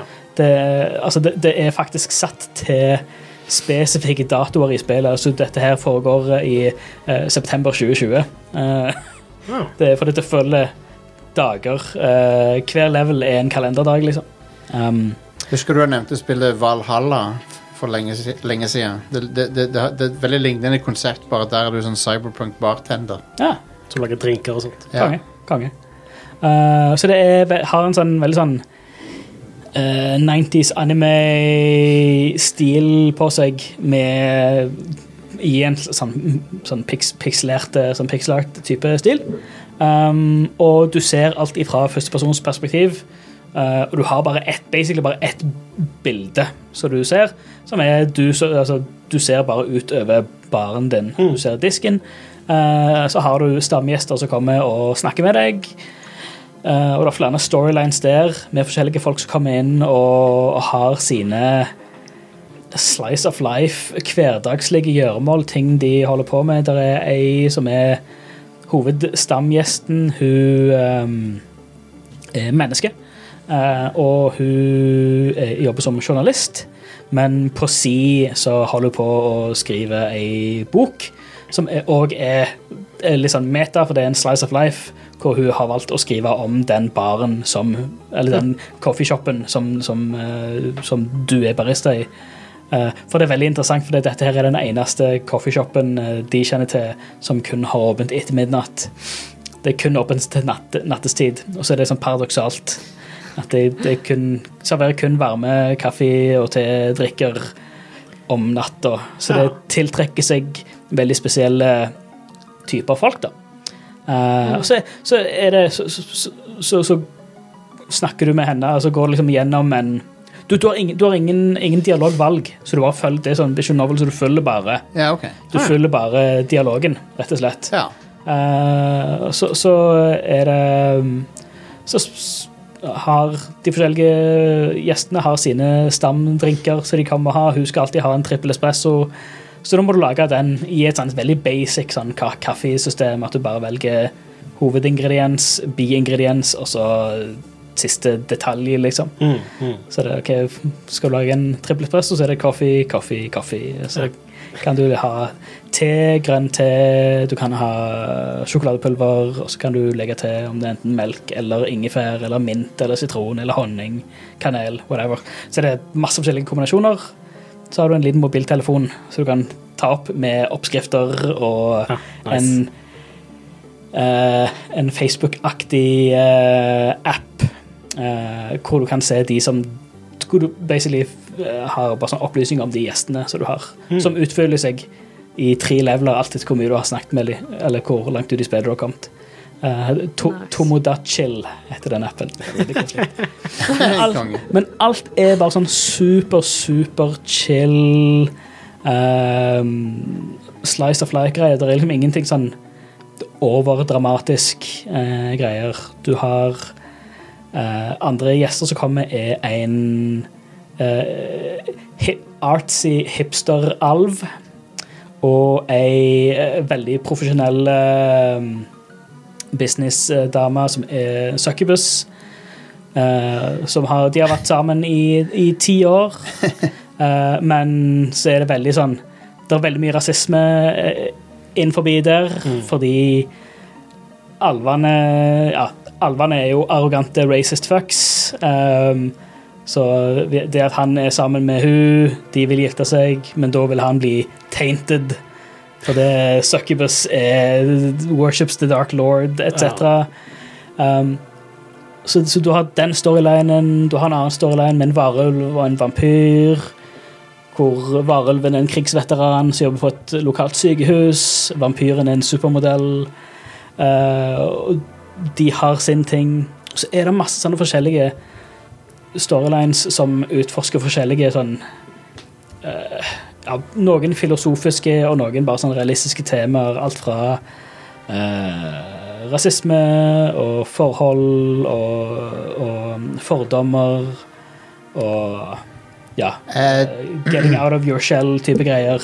Veldig mye forskjellig sånt. Så, så følger du dette her og, og lager drinker til rett og slett. jeg er stolt av deg som prøver nye sjangere, Ja. Stian. Ja, Nye nice. spillsjangere. uh, og så er det òg alt er sånn hele Det er et konstant Det er soundtrack med bare sånn lofi, uh, chill, ja. chill Ah, hiphop-greier. Konge. Um, som òg er en app på denne telefonen med en sånn fake Spotify-greier. Så, Ja, så du kan velge hva musikk du hører på. musikk, ja. Det er, en av mine, det er en av mine favoritting i spill er sånne fake OS, fake mobiler, Ja, ja. fake uh, Mm. Så jeg, jeg digger sånne ting. Eh, spør hva, hva spillet het. Coffee igjen. Talk. Coffee talk. Coffee talk. Kaffesnakk. Og det er på GamePass. Så det er Er det på PC òg? Uh, Ja, jeg vil regne med det. Konge. Jeg tror det er på PC òg, ja. Og Det har vært ute et par år. Ja, det kom ut i januar 2020. Ja. Eh, Windows, Mac, Switch, PS4, Xbox One. Eh, og nå da er det jo på, på GamePass, så det er jo på Series Oi, og sånt òg. Ja, er det på GamePass på PC? Jeg vil anta det. Eh, det- For du har ikke info. Xbox, du har. det Jeg glemmer alltid det. Hva skal jeg med en Xbox? Du, jeg, jeg, mens Stian ser opp det, jeg, jeg ble spurt på Twitter eh, av en fyr. For jeg, jeg, jeg tweeta at eh, Det var noen som spurte hva er et genuint counterculture-spill som du kan komme på. Så svarte jeg Call of Duty Modern Warfare 2. Hvilket av de, forresten? Eh, det, er fra, det er fra 2009. Ja, stemmer. Eh, og så spurte han hvorfor. For det er jo et kommersielt eh, megaprodukt som har solgt drit millioner på millioner. Et av de mest, mest Kanskje de mest corporate spillene noensinne. Men Mm. det som, det som jeg syns gjorde Modern Warfare 2 counterculture, da, er jo at det er så dypt uh, sånn uh, Hva er det norske ordet for det? Det er i hvert fall subversive på engelsk. da det, Skurken er en amerikansk general, for det første. Mm. Eh, Du spiller som en CIA-agent i en sekvens der du massakrerer en flyplass med folk. Ja, stemmer det. Um, og USA er ikke nødvendigvis noen good guys i det spillet. Nei? Tvert imot. Mm. Eh, og så har du liksom, når du dør, så har du sånn Donald Rumsfeld-sitat. Dick Cheney-sitat. Så det, det er et ganske sånn kynisk eh, Sånn eh, jeg, jeg, jeg, vil, jeg vil ikke si at det er antikrigsspill di direkte, men det er det er det nærmeste Call of Duty kommer til å være det. Mm. Eh, men ja, sorry. Ja, det er på PC. Eh, og det er planlagt en Eller er en oppfølger under utvikling som kommer ut neste år, Nice. som heter Coffee Talk episode 2. eh, Hibiscus and Butterfly. Nice. Nice! Så, Er, det te, er det te, da? Skal det handle om te, da? Der er, der er, du kan du serverer både vanlige te og grønne te Ja, ok, i eh, Coffee Talk òg. Tea time. de som uh, Coffee Talk 2, tea time. Ja, sant. Men TEE, så det er, det er en golfsimulator. Ja, stemmer. Det er et nytt spill ute som heter Cursed Golf. Jeg vet ikke hva det er. for. Cursed to Golf. Er det det? Ja. Cursed Mm. to Golf? Som, det, det, det ser kjempegøy ut. Vi, vi, vi snakket om det sist. Yes, det, ja, ja. ja. Uh, det ser gøyalt ut. En sånn plattformer med golfing og sånt.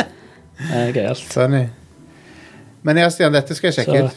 ja, uh, så veldig gøy. Det minner òg om uh, Her så, eh, så jeg de faktisk har nevnt det på Wikipedia-sida si her. Um, uh, TV-serien Midnight Diner. eh, Ah. Som er på Netflix. En japansk serie som de har skrevet her, er en, var en stor, stor innflytelse. eh, som òg anbefales. Det er en Slice of Life-serie om en som driver en um, diner i Japan, som òg er sånn åpent på nattestid. Um, hvor det er bare mye weird folk som som kommer inn. Herlig. For en god idé. Alt fra, ja, alt fra salarymen til yakuza og prostituerte og uh, people of the night uh, som kommer inn i denne dineren. Uh, med forskjellige, forskjellige storylines Det der òg, da. minner meg litt om sånn Det gir meg litt sånn samme vibe som den eh, Det er en novelle som heter Before the Coffee Gets Cold, som er en japansk eh, novelle. Den er ikke så lang, men jeg har den her. Og det er, det er også sånn typ sånn koselig liten sånn magisk kafé, da, eller sånn Eh, jo, kaffebar. Og, og så kan du dra dit og reise tilbake i tid, på en måte. Eh, hvis du har liksom noe unfinished business i livet. Og den eneste regelen er at eh, du må liksom gjøre opp for deg og reise tilbake før kaffekoppen din har blitt kald, da. eh, den er ganske nice. Og det egentlig vil jeg jo da si at da har de jo veldig, veldig kort tid på seg, fordi en kaffekopp blir jo kald på null komma niks. Så Ja. Med mindre man har noe termos eller En Cup eller noe sånt. Ja. Å, jeg har lyst på en Yep. sånn en. Ja, jeg ønsker meg sånn. Jeg trenger en sånn en. Legit. Eh, Jeg har ikke tall på hvor mange eh, kopper med dyr og fin kaffe som har gått kald, så jeg har Mm. måttet drikke. Ja, jeg er fortsatt god kald, da, men ikke så god som den er varm. Ja, men, ja. eh, mm. Eh, Det som er fordelen med å lage faktisk god kaffe, er at den smaker ikke så verst når den er kald. Nei. Hvis kaffen ikke er god kald, så var den heller ikke god varm. Ja, sant. Tommelfinger. Men det er far out, det har jeg ikke tenkt på før. ja, men, Word. ja.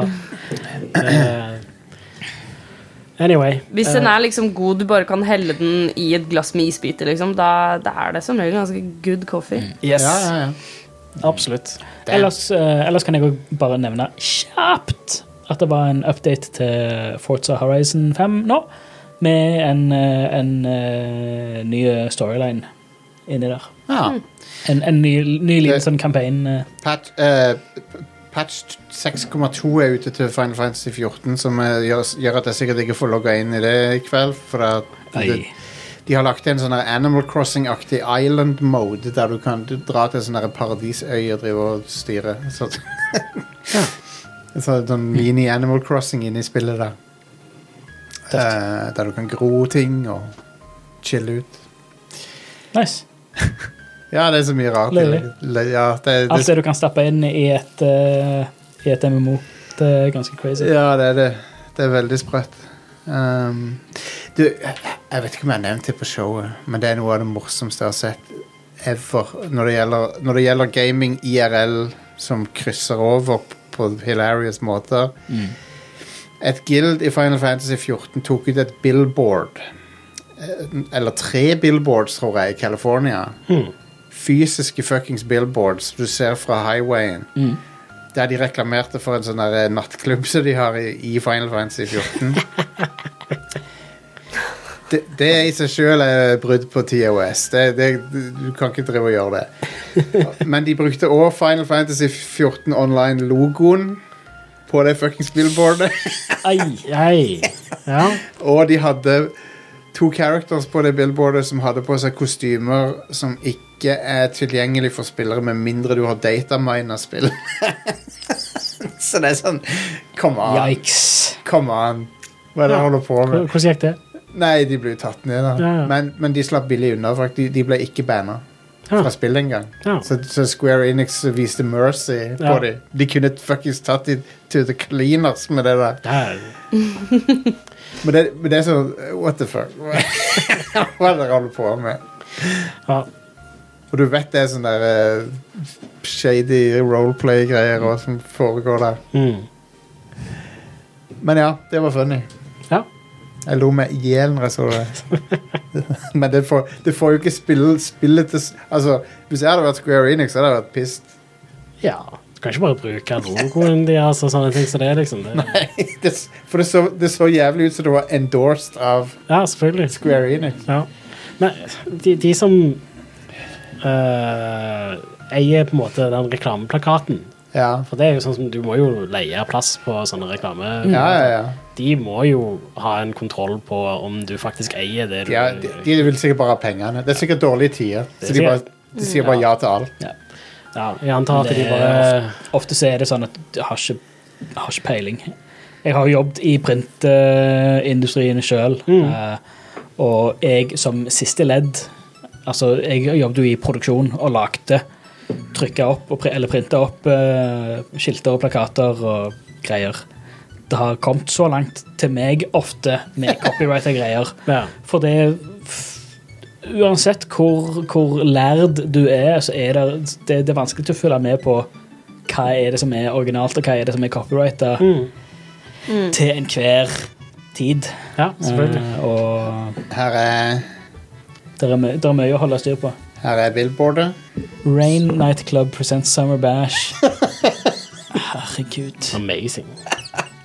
What in the fuck? Eh, Når jeg ser den plakaten, her, så tenker jeg at det, det der har ikke Square Enix signed off. Nei, nei. Det ser du jo, men det, det er bare så jævlig funny. vi lever fortsatt i ei tid hvor eh, Dataspill, hva er det for noe? Det er noe sånn leger som ungene holder på med. Det, det beste Eh, så da, da hadde jeg ikke det tenkt, tenkt meg noe særlig om om et reklame-billboard-byrå ikke følger helt med på hva er det som er copyrighta spill, og hva, er- hva der er det som er copyrighta, eller hva er det som bare er Så er det link til Discord-serveren design, liksom. Amazing. Konge. Åh, god damn it, altså.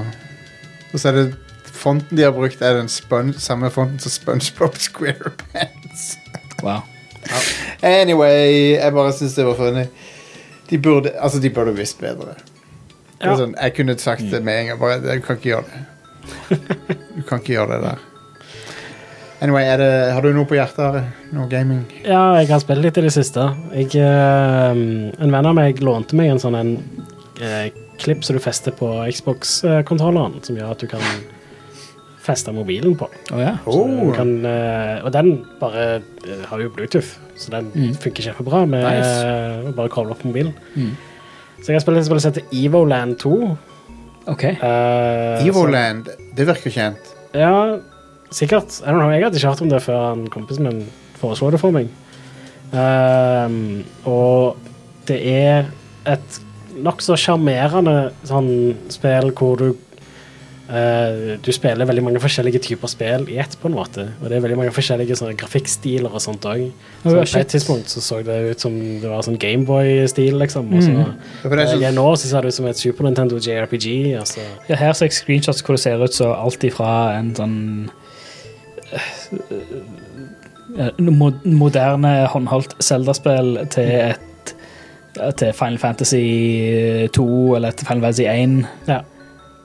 Og det er kjempebillig på Android. Jeg tror jeg betalte seks kroner for det. Uh, og uh, det koster mye mer på PC. Og det er et spill som Du, du bør spille det med kontroller, da. Jeg, er Ja. ikke helt, jeg, jeg klarer ikke å spille med sånn touch controls på mobilen. Så det, men nå som jeg har en sånn klipp så jeg kan bruke Xbox-kontrolleren på mobilen, så er det jo plutselig ganske mye spill som jeg kan spille på mobilen. Så Ja, fett. har jo legit dritbra skjerm på det. Ja, ikke telefonen sant? her, så Ja, det ja, man bruker det til noe. Ja. god idé. Uh, men, det, men ja, Evil, jeg husker jeg hørte om Evoline 1, for det, for det er sånn det, du begynner liksom i primitiv form for spill, og så går du liksom framover i tid, på en måte. ja, stemmer. Det må være vanskelig å lage et sånt spill som det. Ja. Ja, Kult det konsept, da. Veldig stilig konsept. Og så er det litt sånn sjarmerende dialoger og sånne ting. Så det. Tøft. Evoland. Eh, Jeg kan anbefale folk som har en kontroller de kan bruke på mobilen, å sjekke det ut. Eh, Åh, akkurat det. Nå fikk jeg sånn flashbacks til gamle dager hvor vi satt og spilte mye flashspill på nettet. ja, ja, ja. Flashback til et flashspill. Um, Adobe Flashback. yes. Eh, men det var et eller annet spill som en hel gjeng som spilte en hel haug, som var basically en sånn, sånn 1942-klone. Altså sånn Du har et romskip som er på bunnen av skjermen, så skyter du ja, Du flyr gjennom flyr i 2D-landskap, så flyr du opp gjennom, og så kommer det fiender mot deg. Men da var det sånn at du eh, etter hvert med poeng og sånn som du tjente det var litt, Jeg mener ikke om det var noen sånn Rogalight-elementer, Mm. men du brukte den, de poengene som en in game currency til å liksom kjøpe ikke bare oppgraderinger til skipet, men òg sånn UI-elementer og sånt i selve spillet. Mm. Så du kjøpte liksom grafiske oppgraderinger, og du kunne kjøpe liksom en in game radar, eller du kunne du må kjøpe for å unlocke noen, sånn- noen menyer, så unlocke andre ting. Sånn som det er ja konge. veldig sånn Nice. crazy greier. Jeg husker bare ikke hva, all, hva det var. All those flash games lost like tears and rain.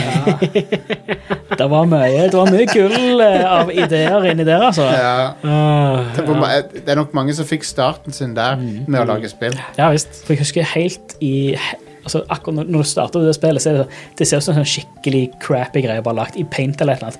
Alle, altså, alt er sånn skewed, alt er sånn bare sånn skjevt og slurvete lagt til. Så kjøper du til så, ja, bruk 10 poeng for å rette opp den toppbaren, eller bruk 20 poeng for å gjøre eh, den pausemenyen litt beinere, eller altså, knappen eh, bedre, eller whatever. Ting liksom hang, hang bare slang på hengslene, på en måte. Mm. Og, så, Nice. og til slutt så så det ut som sånn ja, relativt greit uh, Super Nintendo-stil på spillet. Super Nice. Nintendo Sega Genesis. Eh, Mari, du nevnte at du hadde et eller annet mobilspill du ville eh, pi Ja. pimpe. Jeg føler jeg er alltid her til å bidra med liksom de rare, rare unormale tingene. Raid Shadow Legends. eh, nei, det er bare Nei, jeg også øh, Altså, jeg vil plassere meg selv i kategorien sånn Jeg er veldig cozy gamer. Eh, elsker Nice. sånn eh, bare wholesome Animal Crossing, Stardew Valley, alle de, alle oh, ja, ja, spillene. ja, ja. The, the typicals. Eh, men så var det ett spill Jeg er ikke sånn Jeg er jo ikke en ivrig mobil eh, Jeg har liksom Jeg har aldri hatt noe særlig mobilspill som jeg liksom har klart å holde på. Bortsett fra en ting som heter Bubble Witch Saga 3, som er min sånn Bubble Witch Saga. Sånn eh, Hva er det jeg leter etter? Ja? Sånn uh, klassisk sånn bubble shooter-spill. Ja. Som bare er sånn der brain dead, du skrur av hjernen. Jeg er på sånn level 2000 eller noe, så Hell det jeg er bare sånn, ja. det har jeg. Uh, men så er det Og det er faktisk Det er et spill som er basert på en eh, charity-organisasjon OK. eh, som heter Old Friends Senior Dog Sanctuary. Eh, og for de som ikke har hørt om det, så er det eh, en non-profit eh, eh, hunde... Eh, hunderescue-gruppe fra USA, fra Tennessee, som ble stiftet i 2012. Og de gjør helt amazing arbeid. Så jeg, jeg Egentlig fra 2012 så øh, husker jeg jeg fulgte de på Facebook, og det de gjør, det er at de eh, de tar inn Eller de tar inn eh, spesifikt eldre hunder. Sånn skikkelig seniorhunder. Gamle hunder som på en måte ingen, ingen har lyst på. da Ikke få meg til Eh, og så har de et sånt stort sanctuary og gir de bare på en måte den beste tiden av det resterende livene de har. da Men ikke få meg til å grine, Mari. What the fuck? Eh, Det er altså Jeg anbefaler alle å gå inn på Facebook-siden deres. Og de har livestreams, og de har Og alle hundene har liksom navn og personligheter, og det er, ja. altså, det er så fantastisk, og man kan dra og besøke dem. Og man, det, det er mange folk som kommer innom og, eh, og aktivt også adopterer hunder. da Så det, de, de gjør altså rett og slett amazing arbeid. Så i 2019 så ble det annonsert at de skulle lage et mobilspill basert på uh, hele Sanctuaryen. Så det kom i august i 2000 og, ja, 2021. Uh, det var egentlig Ja, vet du hva, sånn Det var min sånn Midt i pandemien så var det sånn Det var en, det var en sånn liten sånn savior for meg midt i pandemien, egentlig. Ankerpunkt. Eh, så, det, så det er sånn Det er, det er klassisk Det er liksom Det er story Det er storyspill til Android og IOS som er helt gratis. Det er ikke noe Så vidt jeg vet om, så er det ikke noe sånn ads eller eh, Det er ikke noe sånn Det er veldig sånn fint, wholesome indie-spill. Eh, illustrasjonene er veldig fint. Så det som du er, er at du er en person som tar over eh, en, en, en hundesanctuary for akkurat seniorhunder. Og så er det veldig sånn story-based, da. Så, og hundene i spillet er eh, hundene fra det faktiske Sanctuary. Oh. Så de har, altså, de har en som heter Leo og en som heter Captain Ron. Som er sånn, Hvis du har fulgt det faktiske Sanctuary, så vet du veldig godt hvem de er. Eh, og det er vel liksom muligheter for å Ja, sånn Jeg tror det var liksom x antall som laster ned spillet og sånn, så donerer de så og så mange penger, og det er utrolig mange sånn fine ordninger, da. Konge. Ehm, og det er generelt bare Det er litt sånn som uh, Stian nevnte, litt sånn med Power Wash eh, Simulator. Det er også et sånn perfekt spill og bare sånn Du kan sette på en lydbok, du kan uh, høre på en podkast, og så kan du bare sitte og uh, innrede dette hundesanctuaryet ditt og ta imot søte seniorhunder. Som er en utrolig sånn søt illustrasjonsstil på det, og um, det er, det er liksom Det er en story, men du, du får også litt sånn eh, I motsetning til det Coffee Talk, så får du faktisk litt valg, da, som du kan ta. Eh, og så må du aktivt på en måte bli litt mer kjent, og hver enkelt hund har sin story som utvikler seg, og så blir du mer og mer kjent med de, og ja, altså For meg er det bare det beste spillet som ever er lagd. Hva, var det du sa spillet hette? Old Friends Senior Dog Sanctuary heter stedet, men det, he- jeg tror de kaller det bare for Old Friends Dog Game. Ok. Eh, på Enkelt Og det er eh, Ja. Det er eh, det, det anbefaler skikkelig, altså. Det er så koselig, og ikke minst også en pitch selvfølgelig til faktisk Old Friends Senior Dog Sanctuary, som er en av de vakreste organisasjonene jeg noen gang har vært borti. Eh, det, er så, det er sånn som jeg ikke har kommet over, egentlig, og, og trodd at var en greie. At uh, selvfølgelig må man jo Tenk hvor mange liksom, gamle seniorhunder som folk ikke har uh, Ja. lyst på fordi Mm. de Så er det mange, mange av de som er liksom Mange er blinde, mange kanskje har litt helseproblemer og sånne ting, men det, det stopper liksom ikke Stopper ikke kjærligheten, da. Åh. Men jeg ser Nei, det er- bilder av det her. med Leo is looking at you with love and admiration. Så er det to valg. Scratch on Ja. the chin eller pat on the head. Oh, yes! Moralske valg å ta òg. Rescue Altså, dogs who need your help. bare sånn det er, eh, Jeg har hatt the time of my life å spille det spillet. Og det er sånn, og det er et lite sånn Du har et lite kjøkken, og du kan bake sånn dog treats. Eh, og så kan du liksom Ja, og så ellers så bare går de, går de sånn rundt der og Men holder Feed, på. altså, feed, pat, play. Der har jeg Ja. eh, nye Tinder-bioen min. Nei, det er utrolig koselig. Så er det litt sånn, det er litt sånn minigames og sånn innad i det. Og det, er, det, er, det er bra holdsom mobilspill, altså, hvis man, eh, hvis man er lei av Candy Crush og det kan jeg love deg at det er. Sånt. Eh, Ja. Match 3-spill, det er ikke for meg, ass. Uh, Eh, Drop 7 er ganske ålreit. Drop 7 Det er ikke et match 3-spill eller noe. Drop 7 var bra. Jeg likte Threes. Ja. Threes Det, det er på GamePass, tror jeg. Threes. Ah, jeg gjorde tabben å installere eh, Adventure oh. Communist her om dagen. Å nei! Men jeg, jeg har installert det der andre spillet, Adventure Capitalist. Ja. Jeg, fuck de spillene, altså. Ja, for jeg, jeg så Adventure Capitalists, og så sånn mm, Nei, det er ikke helt meg. Og så så jeg ja, From the makers of Adventure Capitalist, Adventure Communist. Og så tenkte jeg yes! Hvor det var sånn uh, grow, grow potatoes and uh, seize the means of production. Ja, ja, tenkte jeg. Her har vi det. Her har vi det. ja Fantastisk. konge. Men, eh, men, men ja, det er jo litt apropos, apropos traktorer tidligere, som vi snakka om. Mm. Men eh, jeg lurer på om vi begynner å runde av hovedshowet, da. Red Crew. Nevnte du noe vampyrgreier? du hadde Ja, va- dude. Vampire Survivor! Ja, jeg har Du må jo snakke om det. What the hell? Men det har jeg spilt òg. Ja. Den Det er, eh, jeg er egentlig litt sånn late to the party til dette. For det kom Det var Du eh, jeg fikk Link to the past. Ja, jeg er litt yeah. link to the past. For, for the P. For det fikk ganske mye oppmerksomhet når det kom ut uh, sent i fjor. jeg, Mm. Um, jeg føler det er litt sånn uh, Det er litt sånn old hat allerede. Ja, det er jo på en måte det. Old hat. Ja. Selv om det er mindre enn et år gammelt. Altså, spillet har vært ute i åtte måneder. Ja. Eh, men det fikk veldig mye oppmerksomhet eh, tidlig Ok. i år. Jeg var litt ironisk. Og det får ikke så mye oppmerksomhet nå, men jeg plukket det opp nå.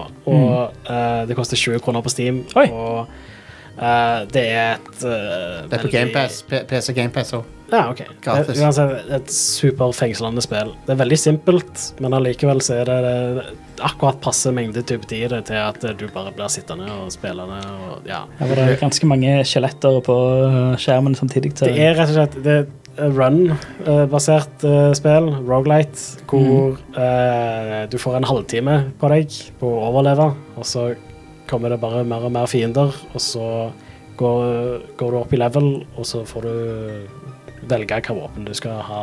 Og så attacker han automatisk. Ja, Det eneste du gjør, er å gå rundt. Ja. uh, og det funker dritbra. Fordi det er veldig sånn Du må prøve å kite fiender. Og så, mm. fiendene dropper sånne gems, og det er de du bruker for å levele opp. Og du må liksom gå og plukke de opp. Så du må liksom hele tida liksom tenke sånn ah, Hvor bør jeg gå nå, liksom? Og hvor bør du posisjonere deg? Og sånt. Og, Det er overraskende f- det spillet. ja. og så er det sånn, du må liksom tenke forskjellig alt etter hva våpen du har fått. og sånne ting som det. Ja. Og, um, når du går opp i level, så får du gjerne velge tre til fire ting å velge. Enten skal du oppgradere et våpen du allerede har, eller skal du velge et nytt et. Og det er Mm. random hva du får. Så ja. Okay. Uh, det er legit dritbra. Og så er det selvfølgelig òg sånn som mange moderne rogelights, at du har en sånn en Ute av runnet så har du òg en progresjon der. Du kan ha noen nye karakterer, du kan Ja. eh, oppgradere base statsa dine og sånne ting som det. Ja, for jeg følte at det var mer progresjon enn det jeg er vant med i enkelte av de spillene. At du, du, du, du, unlocker faktisk litt ting. Um, Så unlocker du nye sånne våpen å finne og sånne ting som det òg. Så ja. og så, så er det litt sånn Castlevania rip-off. veldig Castlevania-inspirert. Mm. Ja. Det er til og med en del av de uh, sånne spritene som er sånn Dette har de bare tatt rett fra sin of Night. Ja, de har bare rippa det opp. Men uh, jeg digger jo Castlevania, så for meg så er det egentlig bare kos. Ja. Um, og ja, eh, i, i tillegg så legger de inn litt sånne Ja, altså, le, en level varer i en halvtime. Det handler om å overleve den halvtimen. Og ehm, det skjer egentlig alltid det samme. Syklusen er alltid like, men de er på en måte designer, da. Så variasjonen kommer fra hva våpen du får og sånt. Eh, Men det, det er supervanedannende spill, så, og det er veldig billig og legit dritbra. Og så er det sånn hvem som helst kan sette seg ned og Det er litt Det, det er litt bullet hell-aktig òg. Ja. eh, Enemy Hell. Enemy hell, ja. Ja. Fiendene er bulletene. Ja. Det er bullets i spillet òg. Det er noen som, fiender som skyter. Ja. Men tingen er at eh, så å si alle angrepene dine kan bare ta, uh, slå vekk kulene. Ja. Så hvis du har eksempel fått garlic, så bare kan ikke kula skade deg lenger. Garlic Garlic er, er det Hvis du får en run der du får garlic og, og får levela opp den, da, da er du Det, det er good. Ja, det sykeste jeg har fått til nå, er du vet, det er to fugler i spillet. En hvit og en svart fugl. Ja. Og Hvis du får begge de to, så kan de evolve til å bli samme én fugl.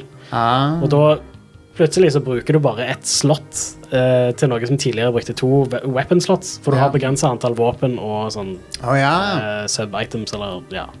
ja. Eh, så plutselig så har du plutselig en ledig slott til en til et til våpen, og så har, begynner det på level 1, så du kan oppgradere det våpenet, og det er bare det sykeste våpenet jeg har hatt til nå. Konge. Det, men til slutt så er det sånn du, du ender kanskje opp på et punkt hvor du trenger ikke å bevege deg lenger. Du kan bare stå der, liksom. Så, Jeg har kommet til bibliotek-levelen. ja.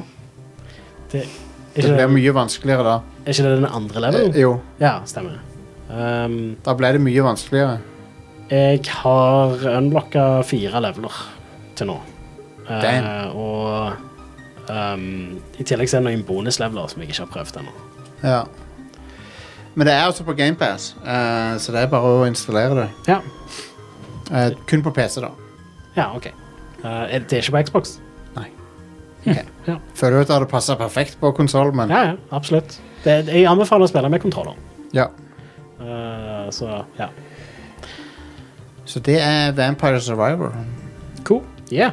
Uh, Survivors med flere. Survivors. Ja, Vampire Survivors. Du har 20 kroner på Steam, inkludert i GamePass på PC. Det er Jeg er enig med Are. Det er veldig kult, men det er òg et av de der Tida går jævlig fort når du spiller det. Ja. ja, jeg opplevde um, tidligere i uka at det var bare sånn Jeg, jeg satte meg ned og spilte det etter jeg kom hjem fra jobb, og så plutselig så var det én time siden jeg burde ha lagt meg. Hell yeah. det er et sånt et spill. Nice. Oi, oi, oi. Nice. Veldig kos. Jeg likte det kjempegodt. Det er i Early Access, teknisk sett. Er det det ennå? Ah, Ja, jeg nice. Da, da holder de sikkert ennå på å jobbe med det, håper jeg. Det føles ut som et fullverdig spill. Ja, jeg er helt enig. Helt enig. ja. Det er et eller annet med det. Det, det er litt sånn det er primitiv grafikk, og så, men det gjør liksom ikke noe. Det er bare sykt addictive. Ja, for det, det, har, det er primitiv grafikk, men det har en sånn Castlevania-stil over seg. Ja. Og så er det òg veldig simpelt, men allikevel ikke. ja Så, enig. Helt konge. Enig. Eh, og første spillet av sitt slag som jeg kan komme på. Som, som blander all, Akkurat de elementene som det spillet blander, har jeg Mm. ikke sett før. Ja, ikke jeg heller, tror jeg. Så ja. Det eh, anbefales. Cool. Eh, da er vi i mål, er vi ikke det? Ja, vi er vel det. Radcrew.net eh, er stedet der du finner alle podcastene våre. Men eh, hvis du eh, har en podcast-app, så finner du dem på alle, alle podcast-apper som er å finne, tror jeg. Ja. Søk etter Radcrew Podcast. Radcrew. Eller Radcrew. Det holder, det. Bare Radcrew. Uh, der finner du oss. Også uh, Spotify er vi selvfølgelig. uh, selv om det er noen vil eh, Det er jo blitt en podcast-app, men uh, Ja. Vi er òg på Patrion. Patreon, ja. Veldig bra du nevner Are. Radcrew.net slash keep it rad. Hell Der, yes. der finner du alle linker til hvordan du kan backe oss. Patreon.com slash radcrewpodcast hvis du vil ha en direkte link dit. Yeah. Twitch.tv slash rad underscore crew. Jeg vet den er litt tungvint, men Twitch eh, eh, Mitt mål nå er å ha torsdagen Torsdag kveld som en fast to-tre to, timer streaming-dag. Ja. Der jeg skal streame eh, gaming. Nice. Jeg har lyst til å bli bedre til å streame. Ja. Og så torsdag La oss si torsdag fra klokka seks-syv ish. Mm. Fast. Fast på torsdager. Ja. I tillegg så tar vi jo opp eh, podkasten hver tirsdag, og det gjør vi live på Twitch. Ja. Så det er bare gode grunner til å følge oss på Twitch. ja. Og det er sånn, Av og til så kan jeg gjøre litt raids i FF14. Av og til så gjør jeg, eh, kan jeg spille et spill sånn som The Quarry. Ja. Eller Mm. noe storybasert noe. Men vi tar det litt sånn som det kommer. Og jeg vet jo at dere skal streame litt mer. Og. Ja. Ja. Det, det, det skjer av og til en sporadisk Are og Stian-stream. Ja. Og vi har litt planer om ting som vi skal spille. Det det første er vel The Last of Us. Ja. Vi, bør, vi burde blitt flinkere til å annonsere noen dager i forveien før vi uh, gjør Ja, sånne ting som det. Absolutt. Nå, ja, nå har jeg fått uh, Nå ser det ut som i, i, I snakkende stund så har jeg fått uh, fiksa en eh, et, et, Hva er det hva dette? Plissé-gardin på, på kontoret mitt. Jo, nice. Så nå kan jeg begynne å streame der. Awesome. Ja, det er sånn uh, rullegardin Ja. som er sånn trekkspillgreier. Ja, ja, jeg vet hva det er. Jeg Um, bare syns det er morsomt. Mm. At du så- kan eh, navnet på det. Jeg, jeg, for jeg, jeg, jeg, jeg, for jeg, hadde, jeg hadde liksom slitt med å huske hva det het, Ja. men du kunne det med en Ja. gang. Eh, nei, for det er det som har gjort at jeg ikke har kunnet streame, for det er fullt innsyn og, Ja, og ja. sånt. Så dårlig lys. Men nå er det på plass. Fullt innsyn. Jeg har, eh, jeg har ei hylle full Oh, yeah. med Lego og Gundams uh, som skriker etter å bli bygd. Så Ja, konge. De skriker etter det. De, bare, de, de, de trygler om å bli bygd, Stian. mm, All right, skal det skjer plutselig. Eh, Da snakkes vi neste uke. Rad Crew er podcasten som eh, du har hørt nå. Ja. det var Hvis sånn ikke du visste det. Ellers så vil jeg anbefale å eh, sjekke ut Rad Crew Neon på lørdag, der vi annet skal snakke om den nye Predator-filmen. Og mer. Så ha det bra, alle sammen. Hei da.